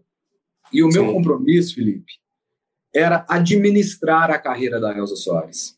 Porque uhum. durante todo esse tempo dessa história toda que eu te contei, eu concluí, Sim. eu descobri sozinho e concluí que sem administração, nem o país dá certo. Nosso país só, só foi sucateado como ele é, a nossa educação só está sucateada dessa maneira porque o chefe do Poder Executivo não é um administrador, ele não sabe nem o que é isso. E eu não estou fazendo uma crítica partidária aqui. Sim, sim, sim. Nem estou falando sobre, sobre política ou politicagem, estou falando sobre formação. Estou falando sobre ter alguém que conhece, que sabe o que está fazendo. Porque liderar um país, administrar um país, você, no mínimo, tem, tem que saber fazer. Ou você tem que ser um, um administrador intuitivo, ou você tem que ter aprendido isso com os mestres. Né? Hum, com quem, porque aí você vai aprender a respeitar aquela história toda. Então, a administração ela está presente na vida. A administração, a gestão do seu negócio particular, ela está presente naquele menino é, que está indo para a escola e tem que gerir, é, tem que administrar é, a, a, a, as amizades que ele tem na turma dele. Tá, tá, tá, tá da o mesma tempo maneira. dele, né? A forma de ir para a escola, a organização de fazer um trabalho, de estudar, tá né? como ele gere a vida dele. Como ele gere a vida, e quando ele ficar adulto, que ele tiver a casa dele, ele tem que administrar a casa dele. Sim. E quando ele tiver numa empresa, ele pode ser um, um, um, um contínuo, como eu fui, ele pode ser um office boy, mas ele tem que administrar aquilo, ele tem que saber administrar aquela função dele para ele poder crescer. Administração é um curso básico, né? É, é, é algo muito básico para alguém. Sim. E o que eu percebi durante, durante essa experiência com a Elsa, não sendo o empresário dela no primeiro momento, é uhum. é que ela não tinha administração, sem fazer crítica aos meus colegas, mas ela não tinha literalmente administração. Ela não era enxergada como você precisa enxergar, porque o que é, o, o que é a arte? É um produto artístico. Então aquilo é um produto, você precisa enxergar aquilo como um produto. O artista é uma marca. Então você precisa, você precisa ter conceitos e preceitos de uma marca. Como você quer apresentar aquela marca no mercado? Como você quer colocá-la na vitrine? Qual o seu fluxograma de atividade interna, os seus processos internos? Como é, o, como é a gestão fiscal da sua empresa? Como isso é feito? Porque isso impacta lá na ponta. Porque se eu não tiver uma, uma empresa é, é, com uma gestão fiscal é, muito, muito bem feita, e isso meu sócio, Juliano Menegon, faz isso com, com um brilhantismo, de uma maneira que ele faz muito melhor do que eu. Eu falo que ele é muito melhor administrador do que eu, ele é um administrador intuitivo. Você precisa fazer isso porque se você tiver que vender um show para a Rede Sesc, por exemplo, você não pode ter uma vírgula no seu CNPJ. Você não pode estar devendo nada, tem que estar tudo muito bonitinho. Então, administração é tudo. E administrar isso. Você, você para administrar uma carreira, você falou do renegado agora, é, para administrar uma carreira, você precisa pensar quais são os seus lançamentos, o que você quer comunicar. Você tem que Sim. olhar para o seu artista e falar assim: o que esse artista quer passar? Eu tomo um cuidado eu, eu fui é, é, empresário da Vera Fischer durante dois anos e meio, uhum. fui empresário da Luci Alves durante um ano e pouco, é, sou empresário com muito orgulho da Elsa, sou empresário com muito orgulho do Renegado. Está vindo mais gente por aí que a gente não pode contar por enquanto, mas está vindo mais gente, gente boa, gente forte também. É, mas eu, é, é, a, a primeira coisa que eu faço é escutar o que o meu artista quer fazer. O que ele quer fazer? Se o artista, se o artista é cantor sertanejo e ele quer se transformar em um cantor de ópera, não sou eu que vou falar com ele para não fazer isso. Se é uma coisa que ele quer de verdade, eu vou falar com ele assim: Isso é você? Então eu vou fazer ser possível isso. A minha função é administrar, é fazer ser possível. Não é convencer as pessoas de que ele, de que ele canta ópera agora, não. É mostrar para as pessoas que ele canta ópera com, com, com um, uma, um, um, um brilhinho sertanejo que é lindo. Você está entendendo? Isso Sim. é administrar, isso é enxergar o seu artista como um produto. É isso que eu faço. E aí. E você reposicionou muito a Elsa, né? Assim, eu... a gente tem. É muito claro para quem acompanha um pouco da carreira, enfim, da trajetória, Elza Soares, de um tempo para cá, voltou às paradas não só na música, mas em programas de TV, tem Olimpíada, tem Rock in Rio, tem N momentos em que ela Soares, bum, cresce. Ela virou uma referência, ela passou a levantar uma bandeira que ela já levantava, sempre levantou, mas isso passou a ser mais visto e ela... Visibilidade. é, isso, exatamente. É um, é, é, um, é um preceito da administração. Como você vai é, é, mostrar o seu produto? Como você vai apresentar o seu produto? Porque eu não tô, eu não tô fabricando a Elsa. Eu não estou inventando a roda, eu estou mostrando a Elsa. O meu papel é só mostrar, falar, vocês não estão vendo a, a, esse gênio aqui, não? É o que acontece com o renegado. Gente, vocês não conseguiram ver esse gênio, não? Então deixa eu mostrar. E aí eu vou insistir, vou mostrar de novo, vou mostrar de novo. Ainda mais um país preconceituoso como é. Somos possivelmente o país mais racista desse mundo. Sim. E a Projetar tem dois artistas ícones da cultura negra. Então não pensa que é fácil. Não pensa que é fácil. É um desafio atrás do outro, mas como eu te disse, eu, eu sou perseverante, eu não quero saber. E aí, quando você fala do reposicionamento da Elsa, isso não é uma coincidência, as datas não são coincidências, ou seja, não coincide 2016, 17 com a minha entrada. Eu fiz um planejamento estratégico. Um Sim. planejamento com apresentação em PowerPoint. E apresentei para essa moça, para minha rainha. Coloquei na sala dela, apresentei para ela para o outro produtor que trabalhava conosco na época, para o advogado dela na época. Fiz uma apresentação formal falando de tudo. O livro, o filme, dando um spoiler para vocês aqui. É, nós fechamos, enfim, o contrato. Ano que vem a gente começa a rodar o filme dela em tela grande, o filme que vai ser lançado para o mundo todo. Isso não é uma novidade, mas eu vou reafirmar aqui com a minha amiga querida Thais Araújo fazendo a Elsa. Vai ser uma super produção. Isso estava isso estava lá na minha, no meu planejamento. A tríade dos discos, é, o livro, o documentário, a volta da Elsa para as trilhas sonoras de novela, de TV, de filme. Elsa é trilha sonora do filme Rose Momo, o novo filme de Sofia Loren. Voltou a Sofia Loren para os cinemas agora com esse filme. E a Elsa é, é, é, é trilha sonora do filme com Malandro, uma interpretação fantástica. Era trilha, era trilha sonora agora de é, com, com a música Libertação, Eu Não Vou Sucumbir, dessa novela que acabou Amor de Mãe. E ela chegou a, a, a estar em três horários seguidos, a novela das sete, em Amor de Mãe e naquela e naquela série Segunda Chamada, que, que fala, inclusive, a realidade do, do professor no Brasil, uhum. aquilo é um absurdo. E ela, ela faz comportamento geral ali, a música. É, é, é, escola de samba estava na tua apresentação também, no teu PowerPoint, enredo de escola de samba? em rede de escola de samba era a minha cereja do bolo. Mas eu achava ah, que era impossível.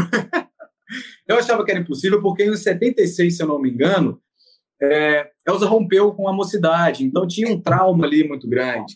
Sim. E aí, para ajudar, é, em 2015 ou em 2014, 2015, a mocidade procura a Elza através de um empresário na época e o empresário cobra dinheiro para a Elza ser seu enredo. A mocidade fica invocada, mas a Elza não sabia dessa história. Entendi. Ele cobrou arbitrariamente, a Elza não sabia, ele fez um monte de exigências lá e tal. E enredo Escola de Samba estava no meu planejamento. Claro que muito mais ousado. E a, e a exposição dela estava no meu planejamento, tudo estava no meu planejamento.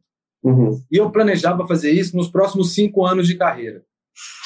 Felipe, quando eu assumo como empresário da Elsa, e aí eu posso tomar a decisão, eu não tenho mais que submeter a decisão, é, foi um salto, porque em menos de dois anos eu concluí o planejamento da Elsa, inclusive com a Mocidade Independente Padre Miguel. É, amigos queridos me ajudaram, meu Deus, eu não vou ficar falando nome aqui, porque senão eu vou, vou falar nome, só vou falar nome. Sim. Porque é tanta gente incrível, tanta gente é, importante. É, tem um cara que eu não posso deixar de falar o nome dele, que é o, que é o, o, o comentarista de carnaval é, da Globo. Da transmissão? É, da transmissão. É, ele, ele, ele sempre comenta os desfiles. Ué, porque o desfile eu tô sempre lá. Mas, bom, quem comenta, quem costuma comentar? O Leandro, o Milton, Milton Cunha. Milton Cunha. Ah, o Milton, tá. Obrigado, Julia. Milton Cunha. É, e aí o Milton foi o cara, o cara quem fez isso acontecer. Milton Cunha foi quem fez acontecer. Ou seja, isso é administrar, tá?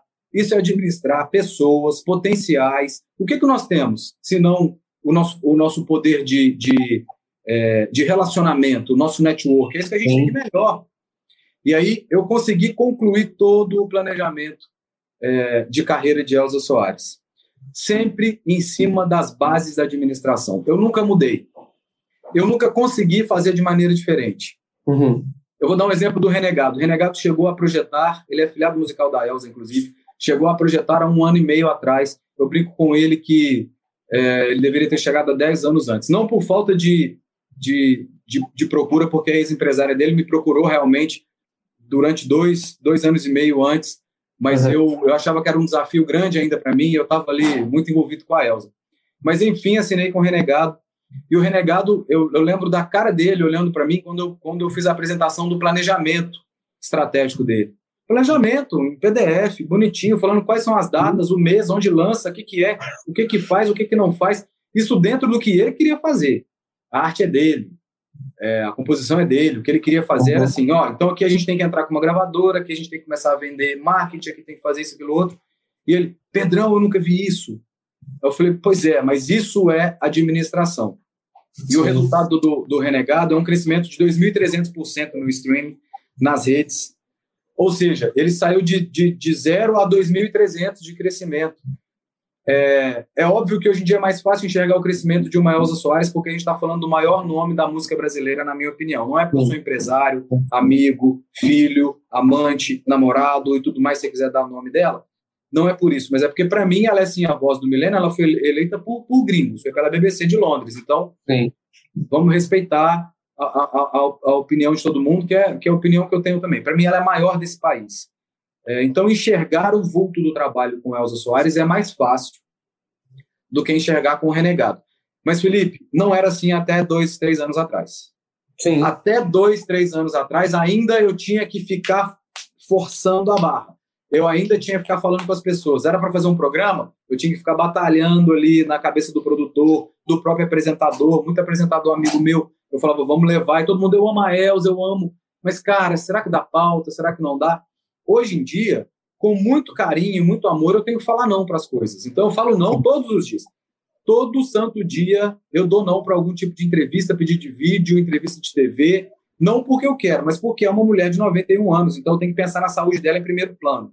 Nada Olha. mais importa senão a saúde dela, na minha opinião. Né? É isso que eu quero preservar. Também Covid e tal, estamos conseguindo fazer tudo, mas tudo foi planejado, e assim foi com o Renegado. Daqui a alguns anos nós vamos enxergar com o Renegado também. Porque aí isso começa a crescer, o vulto começa a engordar, e aí a gente vai ver o, o, o, o trabalho em cima disso. É, e eu vou acreditar o trabalho a uma coisa, a administração. Você precisa saber administrar, administrar a crise, administrar o sucesso, administrar as falhas, os gatilhos, as oportunidades, é, os problemas, administrar os desonestos, porque se em todos os caminhos, em todos os setores, existem pessoas que são pessoas é, é, que vibram na energia negativa, você imagina no showbiz, que mexe com a Sim. vaidade das pessoas. Então, o showbiz é um lugar que eu tenho pares maravilhosos, eu tenho pares incríveis, mas eu tenho também colegas de trabalho que eu não recomendo para ninguém. Então, isso eu preciso administrar, porque às vezes eu tenho que trabalhar com algumas pessoas. Às vezes, eu, eu preferencialmente não gosto, mas às vezes eu preciso trabalhar. E se o cara então, é, um, é um cara foda de serviço, então eu tenho que administrar isso, eu tenho, eu tenho que trabalhar com ele pronto. Eu posso não ser amigo dele, mas tá tudo certo, vou trabalhar com honestidade e é o que eu vou exigir. É, então, a, a, a, o resumo da história, o resumo da, das minhas conquistas é a administração. Quando as pessoas olham e falam assim, nossa, você mudou a carreira da Elza Soares. Não, eu não vou ser modesto. Eu mudei a vida da Elza Soares. E eu mudei a carreira da Elza Soares. A Elza Soares tem uma vida muito confortável hoje em dia, graças a Deus. Ela mora onde ela gosta, ela come o que ela gosta, ela tem os tratamentos que ela precisa, ela Sim. cuida da família dela da maneira que ela gosta, sem ela se preocupar se tem um centavo na conta ou se tem um milhão. Ela não se preocupa mais com nada. Então, é, ela me disse um dia que eu ia mudar a vida dela, ela mudou a minha. Ela realmente mudou a minha, porque é, eu saí de uma, de uma história, de um anonimato, né, para ser reconhecido como um empresário do meio artístico, é, e sou reconhecido como um empresário bem-sucedido, fico feliz por isso, apesar de, de, que ninguém sabe qual é a minha realidade, minha, minha peleja, né, mas é, eu fico feliz com o reconhecimento, é, numa cidade que não é a minha, porque eu sou de Belo Horizonte, então você chegar no Rio de Janeiro, Sim. onde é, é, é, esse balneário das celebridades, né, onde todo mundo é, é, mais importante do que todo mundo, e de repente conseguir al alcançar o seu lugar e ainda ser o, o, o caminho, a ferramenta condutora para que uma artista como Elza Soares alcançasse a plenitude de carreira e a plenitude de vida, isso não é milagre. Isso não é sorte. Isso é profissionalismo. E a ferramenta que eu utilizei foi a administração. Então, é por isso que, que eu me senti à vontade para falar contigo sobre esse tema. Eu não estou falando aqui sobre empresários, sobre os, os, os meandros é, de carreira, ou sobre o Pedro, não quero confete. Você sabe, vou repetir aqui, foi super difícil para mim. Eu não sou tímido, dá para ver que eu não sou tímido, mas eu, eu sempre acho que esse lugar do, de frente à câmera não é um lugar meu, é um lugar dos meus artistas, né?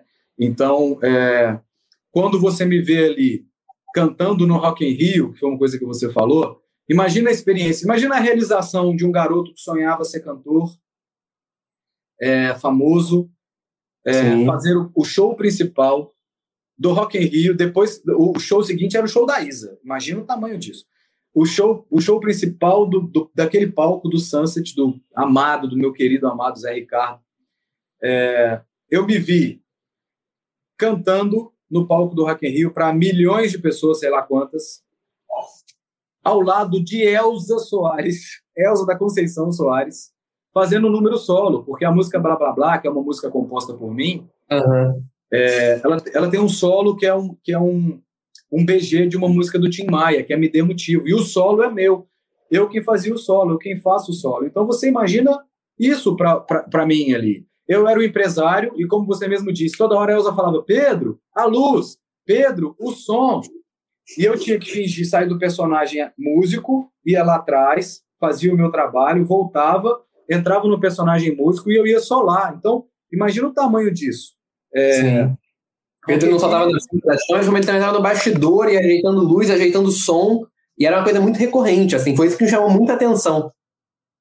E eu voltava, eu fazia isso dez vezes, e era Exatamente. isso. E aí, na hora do meu número, Felipe, foi tão interessante, porque na hora do meu número principal, eu cantei aquilo a plenos pulmões, e eu estava realizando não, não, não o sonho de um, de um cantor, eu estava realizando o sonho de um administrador porque eu havia conseguido colocar no palco aquele show. Eu era o diretor artístico do, palco, do show. Sim. Eu era o diretor musical do, do show.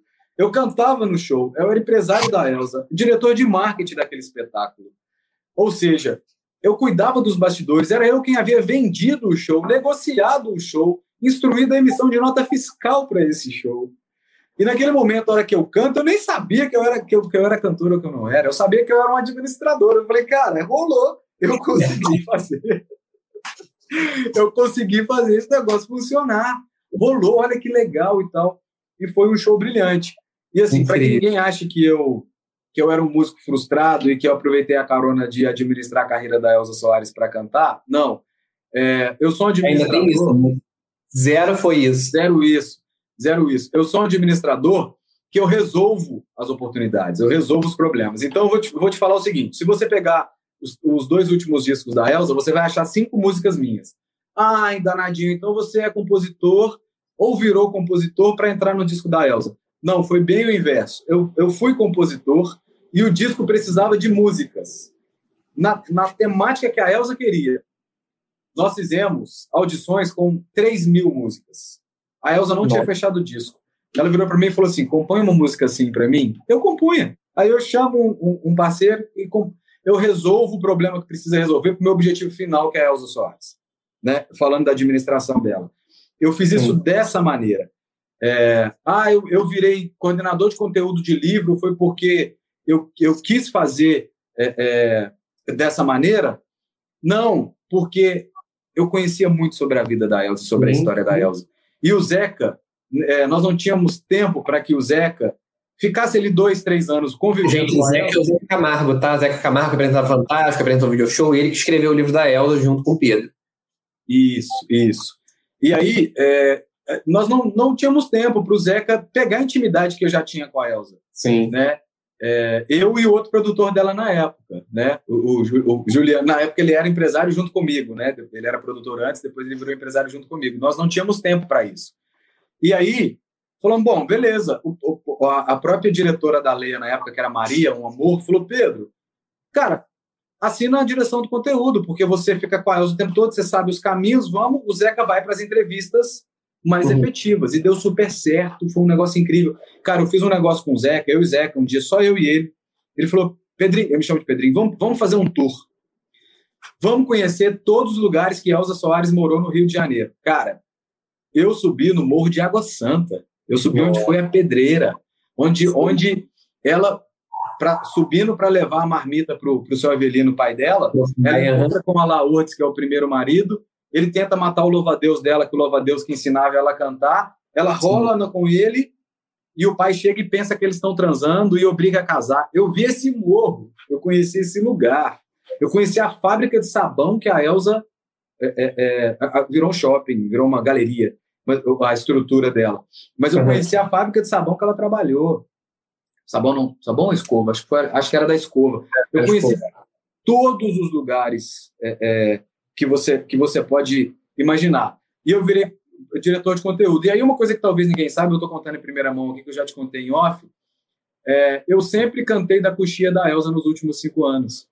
Desde, desde o show A Mulher do Fim do Mundo. Sim. O show A Mulher do Fim do Mundo, Elsa Canta e Chora Lupe, A Voz e a Máquina, Deus a Mulher, são todos shows que quando você escutar o show ao vivo, você está escutando os meus backs são os meus back vocals, porque nós, nós tínhamos, é, é, principalmente na Mulher do Fim do Mundo, nós uhum. tínhamos o Rubi, que era é, o back principal no palco com ela. Depois Sim. no Deus é Mulher foi Rubi e Netão. Netão, um cantor incrível, um administrador também de, de, da área técnica também fantástico. E eu ficava na coxia, porque a Elza falava, Pedro, eu preciso de você ali para a gente fazer isso junto, eu gosto da sua segurança. Porque a Elza é a voz do milênio, a Elza não precisa de ninguém, ela canta sozinha, tá tudo certo. Exatamente. Ela é a voz sozinha. Mas a gente tentava dar todo o aparato para que ela pudesse solar, fazer os. A carne dela, aquelas oh, maravilhas. Trêmula, meu Deus é, do céu. Aquelas maravilhas. Então você precisa dar uma cama vocal para que a pessoa possa, possa solar o que quisesse. E aí ela falava: canta comigo, Elza, eu só canto se for da coxia. Cara, eu fiz turnê Europa, duas turnês na Europa. América do, Nor é, América do Norte, é, América do Sul, tudo cantando de, trás da coxia. E era engraçado que quando passava um contratante e me via cantando, ficava me olhando para mim. Mas que porra é essa? Não é o empresário dela? Quem que tá fazendo com o microfone? Atrás da cortina. Cara, eu já, já, já houveram situações do segurança me tirar. Imagina, imagina. Porque assim, eu não tenho, esteticamente, eu não tenho a cara do empresário típico que acho que todo mundo espera, né? aquela coisa mais, mais barba branca. Acabou o terno na tua vida, né? Acabou o terno. Não, acabou o terno. Nunca mais acabou usei terno. terno. Nunca mais. É isso. Eu sou isso aqui, ó. Inclusive, eu tô de Chico Rei, que é uma linha, uma linha de t-shirts da Elza Soares. Eu tô com a. A Elza aqui, ó. Tô com a Elza aqui, Aí. que é a camisa em homenagem à seleção brasileira, né? É, ela ganha uma Copa do Mundo de presente do Garrincha. A gente fez uma camisa. Tá aqui. A gente foi o marido da Elza Soares. Foi o marido da Elza Soares. Entrem lá, www.chicorei.com barra Elza Soares, a, a linha dela é incrível. E aí, cara, é, já houveram é, é, situações do segurança. Segurança me pegar e o Road tem que vir correndo. Não, não, ele é empresário dela. Porque eu tô Sim. assim, né? Mais tranquilo, mais apaisando e cantando atrás da coxinha. O segurança Quase tava, né? É, achou que eu tava tentando fazer um negócio atrapalhar o show. Não, e quantas vezes eu fui barrado na entrada de camarim? Teve, teve, um, teve um camarim em São Paulo, na Memorial da América Latina, que segurança falou, eu falei assim, oi, tudo bem? É, eu preciso entrar. Ele, para quê? Aí eu falei, para é, falar com a Elza. Ele, você é o que dela? Aí eu falei, eu sou empresário dela. Ele olhou para mim e falou assim, e eu sou Louis Armstrong. E virou de costas. Caraca! Aí eu falei, eu te juro que eu sou empresário dela. Cara, eu sou muito sim. amoroso. Eu sou muito amoroso nas relações. Sim, sim, ele tá fazendo o papel dele, ele tá certo. É, e ele tá certo. Porque se passa também, já era. Tu vai ficar puto como empresário. Ficar puto. Aí eu falei, cara, eu saí daqui, eu já entrei e saí duas vezes. Olha aqui para mim. Não, não te vi, não. Aí eu falei, tá bom. Aí eu tive que chamar o diretor do evento. O diretor do evento veio e falou: ele é empresário dela, não faz isso. Eu falei, não, ele tá fazendo o trabalho dele, tá certo. Mas eu cantei da coxia durante esse tempo todo. E no Planeta Fome, para terminar no Rock in Rio, uhum. a Elza colocou uma condição. Ela colocou uma condição, inclusive numa entrevista ela falou isso. Ela falou: olha, o Pedro falou: vamos fazer o disco novo? Vamos. Vamos transformar em show? Vamos. Quem deu, quem deu o nome de Deus é Mulher do disco fui eu. Uhum. Quem deu o nome de é, Planeta Fome também fui eu. Tenho muito orgulho disso. A Elza queria que chamasse de que planeta você veio. Que é a pergunta que o Ari Barroso fez para ela no programa de calor. E ela responde Planeta Atrás, Fome. Ela começou, ela foi cantar ali. Gente, leia o livro também, é sensacional. Livro é sensacional. E agora tem o, o audiobook, é, também tá, tá aí, também tá muito legal. É a Isabel Filardes quem fez a narração. Tá lindo. Uhum. Tá lindo. E aí, cara, é, ela falou comigo: bom, beleza, só que é o seguinte, se você não cantar na frente do palco comigo, eu não vou fazer esse show. Eu falei, Elza, não posso, Elza, não tem, não, não brinca com uma história dessas. Vai expor, inclusive, vai me expor pra caramba. E ela falou, não, continua e, e, e vambora. Eu falei, tá bom, então vamos, vamos continuar com essa. E foi aí, Felipe, que eu me torno novamente um cantor de palco. Só que eu fiz um acordo com ela. Eu falei que seria uma vez. Uma vez. E que no próximo show dela, nem na coxinha eu ia cantar, porque eu já não estava aguentando mais, estava ficando pirado. Uhum. E aí ela, uhum. ela topou esse combinado no próximo show agora. Perdão, no próximo show agora nós temos dois backs de frente. Eu não vou precisar cantar da coxinha, apesar de que precisar cantar com Elsa, meu Deus, isso é uma honra.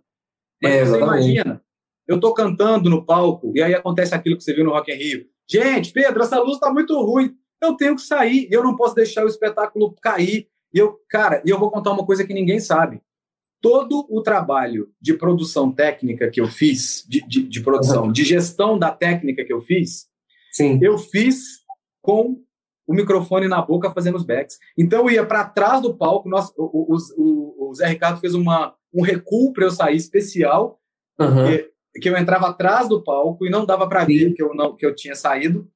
E eu ia resolver e falava com as pessoas assim: é a luz que está tá, a luz está alta, a luz, a luz, me dê motivo, a luz está ruim. Era isso que eu tinha que fazer dessa Nossa. maneira. Eu tinha que me virar em 10 para fazer. Fiz Sim. amarradão, foi gostoso pra caramba, não me arrependo de nada. E ainda o outro backing vocal era o meu diretor técnico, né? Porque a Elza tem essas coisas de achar o talento e querer que o talento vá para frente, que é o Netão. E o, e o, meu diretor técnico também estava em palco, ou seja, eu tinha que resolver tudo. Aí vinha o assessor de imprensa do Rock in Rio chama o Pedro aí, porque ela tem que ir direto para o, o link do Multishow. Aí eu ia lá e falava, ah, beleza. Saí do palco, eu mesmo dei uma entrevista para o Multishow na hora, junto com ela, aquela coisa toda. E, e eu fiz aquilo é, com muito amor, com muito carinho, e com, e com base naquilo que eu aprendi durante esse tempo todo, nessa conversa que eu te contei, com base na, na administração. Eu administrei as coisas. Ou seja, escolher a, a, a, a profissão, no meu caso, ela garantiu o, o, o, sucesso que eu tive até aqui. Sim. Escolher foi o que me garantiu. Não, sensacional. O nosso papo podia durar mais algumas horas aí, com toda certeza, tomando um café ou cerveja, qualquer coisa, porque assim, tem muita história. Para fechar, vou te pedir o seguinte: conta um perrengue pra gente. Um perrengue. Mas um bom, assim, daqueles assim, padrão FIFA. Caraca, um perrengue profissional. Pode ah, ser vou... pode ser renegado, pode ser Vera Fischer, pode ser aeroporto. Um, um, bom, assim, de respeito. Cara, eu, eu passei eu passei alguns perrengues assim é, bizarros. Eu, eu particularmente passei alguns perrengues bizarros, do tipo é, falando da, daquela empresa, quando o dono da outra empresa me chama para fazer um teste, a primeira pergunta que ele me faz é: Pedro, você é usuário avançado de Excel? Eu olhei e falei, puta que pariu, eu nunca abri uma planilha. eu tinha três dias. E eu entrei num desespero, comecei a ligar para um monte de primo. Me ensina Excel, não sei fazer isso não, Pedro. Cara, eu fui para o YouTube e fui vendo tutoriais do YouTube. Hoje em dia eu sou usuário avançado em Excel. Boa. Fui aprendendo. Foi um aperto que eu passei. É, um outro aperto, um outro aperto fantástico também. É, e aí é um, é um aperto que eu falo com muito carinho, que foi um, um aperto muito generoso, mas com muito carinho. Foi um aperto com a Elsa. Nós estávamos em Portugal, indo de Portugal para Espanha, num show. E entramos no, no, avião, aquela coisa toda. Ah, todo mundo sabe, a Elsa sofreu uma queda é, de um Sim. palco do Metropolitan e ela tem 17 pinos na coluna, e isso dificulta o andar dela. Né? E, e ela tem dores muito, muito agudas se ela ficar forçando. Ela é rainha, então ela está entronada e está tudo certo. A Elsa anda e tudo mais, mas tem que ser com muito, muita cautela, com muito cuidado. Sim. Descer e subir escada, isso nem pensar. Isso não uhum. dá, porque ela, ela vai descer e vai subir a escada. Mas aí você vai comprometer a vértebra dela, ou seja, vai, você vai se comprometendo. E eu não posso comprometer ela em nada. Ela só fez 21, ela, 21 é ótimo, porque eu, eu, falo que ela é uma menina. Ela só fez, ela só vai fazer 91 anos agora, porque eu ainda quero que ela chegue no 110 com, com muita tranquilidade. Então, nada de comprometer. E aí, a hora que nós chegamos para desembarcar, chegamos na Espanha, a, a aeromoça falou: olha, é, vocês vão, vão desembarcar agora? Eu falei, não, eu estou esperando o, o, o, a gente chegar no Finger, né? Uhum. Ou então para fazer a, a, retirada remota dela, porque é, eu estou vendo que o avião está só com a escada e ela não desce e sobe escada, é WCHC. E aí ela falou assim, não, tá vendo o pátio aqui, ó? Agora olha para lá, tá vendo o aeroporto? A gente não pode taxiar até lá. A gente só teve permissão para descer aqui. Vocês têm que descer de escada e o máximo que eu consigo é um carrinho de golfe para levar vocês. Eu falei, meu Deus era uma escada de um avião considerável. E aquela escada pequenininha, sabe? Pequenininha, né? Fininha. Meio, meio bamba também, que é esquisita pra caramba. Meio, cara, e aí eu falei, cara, eu vou fazer uma coisa. Felipe, eu estava colocando em risco ali, ali, ali a, o meu nome, a minha profissão, o resto da minha vida, porque Sim. qualquer acidente que tivesse, eu seria, eu seria o responsável. Mas nós ficamos mais ou menos uma hora e meia na aeronave com eles tentando fazer alguma coisa e não dava. Não, não tem jeito, não tem uhum. jeito, não tem jeito. A Elsa é, é, rainha no Brasil e é rainha em Portugal. A Elsa é rainha na Espanha. Mas a Elsa, ela não é idosa, ela é uma jovem. Mas em, em termos de data de nascimento, ela, ela é uma idosa. E, e, e, na Europa, não sei se você sabe, mas o, o, o aparato para atender ao idoso ele é muito fraco. Você não uhum. acha rampa, você não acha lugar para cadeirante, né? É, apesar de ter uma população muito, muito é, mais envelhecida, né? Sim. Mas isso não tem. Eles falaram, olha, não tem o que se fazer. A gente sabe que ela é personalidade, a rainha brasileira. Ele, aí vinha uma aeromoça, deixa eu tirar uma foto, vinha e tal. Eu falei, vocês estão tietando a mulher, não vão resolver o problema? Pedro, é maior do que a gente, a gente não pode taxiar até lá, vai ter que descer ela de escada. E aí eu peguei ela no braço e falei, vamos embora, meu amor. Eu falei, você confia em mim? Que foi, eu, eu vou terminar essa entrevista falando sobre isso. Uhum. Eu falei com ela assim, você confia em mim? Foi a pergunta que eu fiz para ela cinco anos atrás, eu vou contar o motivo. E aí ela falou assim, como sempre, nunca vou deixar de confiar. Aí eu falei, então vamos embora. Carreguei e fui descendo pé ante pé os degraus com ela no colo. E a gente dava cada gargalhada. E eu falava, Elza, para de rir, que estamos fazendo rir, e eu não vou conseguir segurar. Pede a força, né? Lógico. Pede a força. E eu rindo. E ela, mas está muito engraçado isso. Se fosse no Brasil, já tinha dado imprensa. E e ela é muito espirituosa. A Elsa tem um perfil dela que é o seguinte: ela é muito, muito, muito espirituosa. Ela é muito engraçada. E ela e só sabe isso quem convive com ela. Ela tem umas tiradas muito legais. Pois bem, esse foi o meu perrengue, mas eu desci e aí fizemos o show no Coliseu mais antigo da Europa. Foi um show super emocionante, uma coisa linda. E para terminar nossa conversa, nossa história, eu, é, e aí eu acho que você chegou até mim através do trabalho que você viu eu fazer com Elza Soares, Sim. É, hoje em dia eu sou reconhecido como empresário é, pela oportunidade que a Elza Soares me deu de provar o meu valor e provar o meu trabalho. Então eu devo muito ou tudo a essa mulher, sempre, sempre. Então eu quero terminar falando sobre a minha profissão, uma frase que ela falou comigo é, quando eu apresentei o planejamento estratégico para ela cinco anos atrás. É, talvez no pior momento de carreira que ela já esteve. E quando eu apresentei esse universo, é, ela virou para mim e falou assim: Você confia em mim? Você confia que eu vou fazer isso aí? Você realmente confia em mim? Aí eu olhei dentro do olho dela e falei assim: confio plenamente. Ela falou: então vamos, porque você confia em mim mais do que eu mesmo. Caraca, foi a gente, foi aí que a gente. E esse é o recado que eu quero deixar para quem está assistindo, para os alunos, para os amigos que prestigiaram. É, confie nas pessoas. Confie nas pessoas. Pegue a mão das pessoas. Se você enxergar aquela pessoa ali, é, você, professor, educador, gestor, está aqui, Felipe, fazendo o seu trabalho, está aqui dividindo um, um, um, pouquinho do seu tempo, dividindo conhecimento, que é a coisa mais rara, mais cara que a gente tem.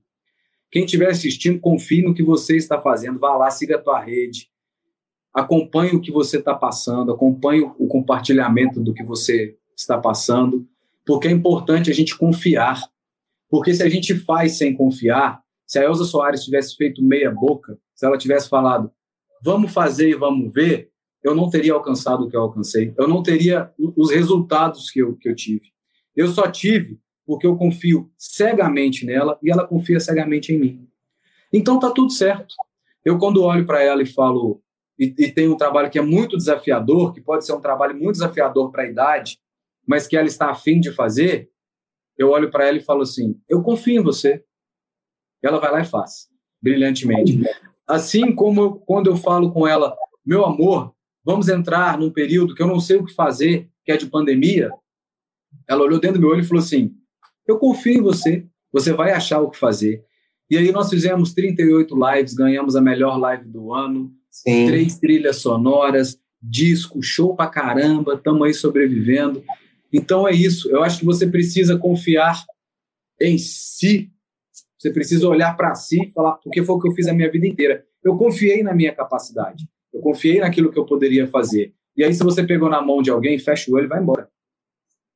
É isso, porque se der certo, deu certo. Mas se der errado, você tem tudo fazer como se fosse dar certo. Não tem jeito. Porque a vida, a vida é esse eterno esquenta e esfria. Exatamente. E, pô, eu, eu nunca tive um fracasso nas minhas empreitadas com a Elza Soares. Eu nunca tive um fracasso nas minhas empreitadas com o Renegado. Eu nunca tive um fracasso enquanto geri a carreira da Vera Fischer. Nunca tive um fracasso enquanto geri a carreira da Luci Alves, mas eu poderia ter tido. Sim. E eu posso ter. Eu tenho que ter o direito de ter. Isso pode acontecer. Eu posso fazer um negócio que eu vou pensar que é genial e é cagado. E vai, desculpe meu francês, mas vai ser horroroso. Mas eu confio em mim, eu sei que eu vou poder corrigir aquilo e eu confio em quem está do meu lado. Então é isso. Que possamos confiar nas próximas eleições, que possamos realmente confiar em alguém que possamos realmente olhar para o voto e falar: eu não vou dar esse voto aqui porque Fulano é contra Beltrano, ou Ciclano é mais bonito que, que Ciclano. Eu vou confiar nessa pessoa aqui, que é a pessoa que mais parece ser adequada para esse cargo. E confiar, porque senão a gente vai viver nessa eterna briga, a gente vai viver nessa eterna competição, em que é um país completamente rachado, dividido, em que ninguém confia nem em si mesmo. Então, o resultado está aí, né, Pedro? E o resultado está aí. 450 tá milhões de mortos. O resultado está aí. Nós não confiamos em naquilo que a mídia falou o tempo inteiro. Nós não confiamos naquilo que os especialistas falaram o tempo inteiro. Nós não confiamos naquilo que a opinião pública alertou o tempo inteiro. Sim. O, o, o, o, rapaz que se propôs a ser presidente não era qualificado, não vou falar todo o resto. Ele não era qualificado. Ele provou que não era. Então vamos confiar? Ah, vai ser fulano, vai ser Beltrano, vai ser ciclano, não importa. Vamos confiar. Ah, se, se, se tem três candidatos e a gente sabe que um deles é um grande administrador que mudou esse país, vamos confiar nele.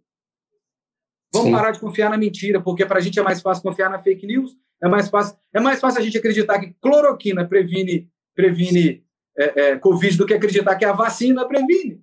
Imagina, cara, é mais fácil acreditar que a Terra é plana Exatamente, era esse ponto que eu ia chegar, né? É mais fácil acreditar nisso do que.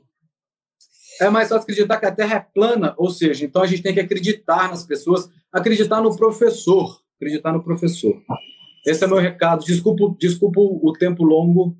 A gente ia fazer meia hora, fez uma hora e quarenta contigo, né? É, a gente ia fazer uma hora, deu 40, 40 minutinhos, assim, um detalhe ali, coisa pouca. Foi super tranquilo. Muito obrigado, tá? E aí vou aproveitar também para fazer um jabazinho aqui, né, galera? Por favor. Ah, tá lindo. Consumam essa maravilha aqui. É, é, sensacional. Se alguém não viu o desfile também na mocidade, pô, vale a pena no YouTube olhar. Se alguém não viu o show no Rock in Rio, tá tudo disponível, Globoplay, YouTube, pô, acessa, vê e leia. Leia porque, assim, eu vou mandar para você assinar. Ah, vai ser já vai sair da entrevista com isso aqui resolvido. Já, já, já pega da Elsa. Assistam, assistam ao, ao, Você falou uma coisa legal, assistam ao desfile. O desfile é uma homenagem fantástica a ela. Eu, eu tenho a honra de estar ali do lado dela, no trono, segurando a mão dela o tempo todo. Eu, de um lado, a Vanessa Soares, minha produtora e neta dela, primeira neta dela, criada com, com Garrincha, inclusive, estava ali do meu lado também. Então foi, foi incrível. Eu peço desculpas é, por não ter citado o nome de alguém, mas eu falei das pessoas aqui que, é, que me vieram na cabeça à medida que eu fui contando essa linha do tempo. Mas todo mundo que está assistindo, que, que assistiu ou que compartilha comigo, sabe o carinho que eu tenho com cada um, cada um das pessoas. Sim. E a generosidade do Pedro de pô, falar com a gente, né? Um colégio, né? é um veículo de imprensa, enfim. Não, você falar com o Pedro pelo Instagram para tentar conseguir essa entrevista, deu certo. Eu já tinha falado com, visto o Pedro no Rock in Rio, resolvendo a vida da Elsa ali. Depois eu fui entender, vendo o livro, que o Pedro era o Pedro empresário, que era a mesma pessoa. No carnaval, eu consegui falar com a Elsa no, no desfile, no pós-desfile, né? A gente fez aquela confusão ali dentro do Carvalhão, aquele caos, mas deu tudo certo, coitado. Imagina o cansaço dela, porque Dona Elsa também, ela veio no último carro, mas ela fez uma plataforma acoplada que ela ficou vendo o desfile inteiro passando na frente dela, até a hora dela se acoplar no carro e desfilar no último carro. Então, o também tem que se virar ali para resolver a vida dela, porque ela queria ver o desfile. Em homenagem à vida dela, ela tem total razão e total direito. Primeira vez, primeira vez que aconteceu isso. Primeira Sim. vez que um homenageado assiste o desfile todo. Assiste o desfile. A Ivete Sangalo, quando foi homenageada, desfilou no primeiro carro e no último, a Poela Soares foi além. Ela viu o próprio desfile. Então, gente, por favor, vamos respeitar essa história aí. Vamos respeitar essa mulher. Pô, pelo amor de Deus.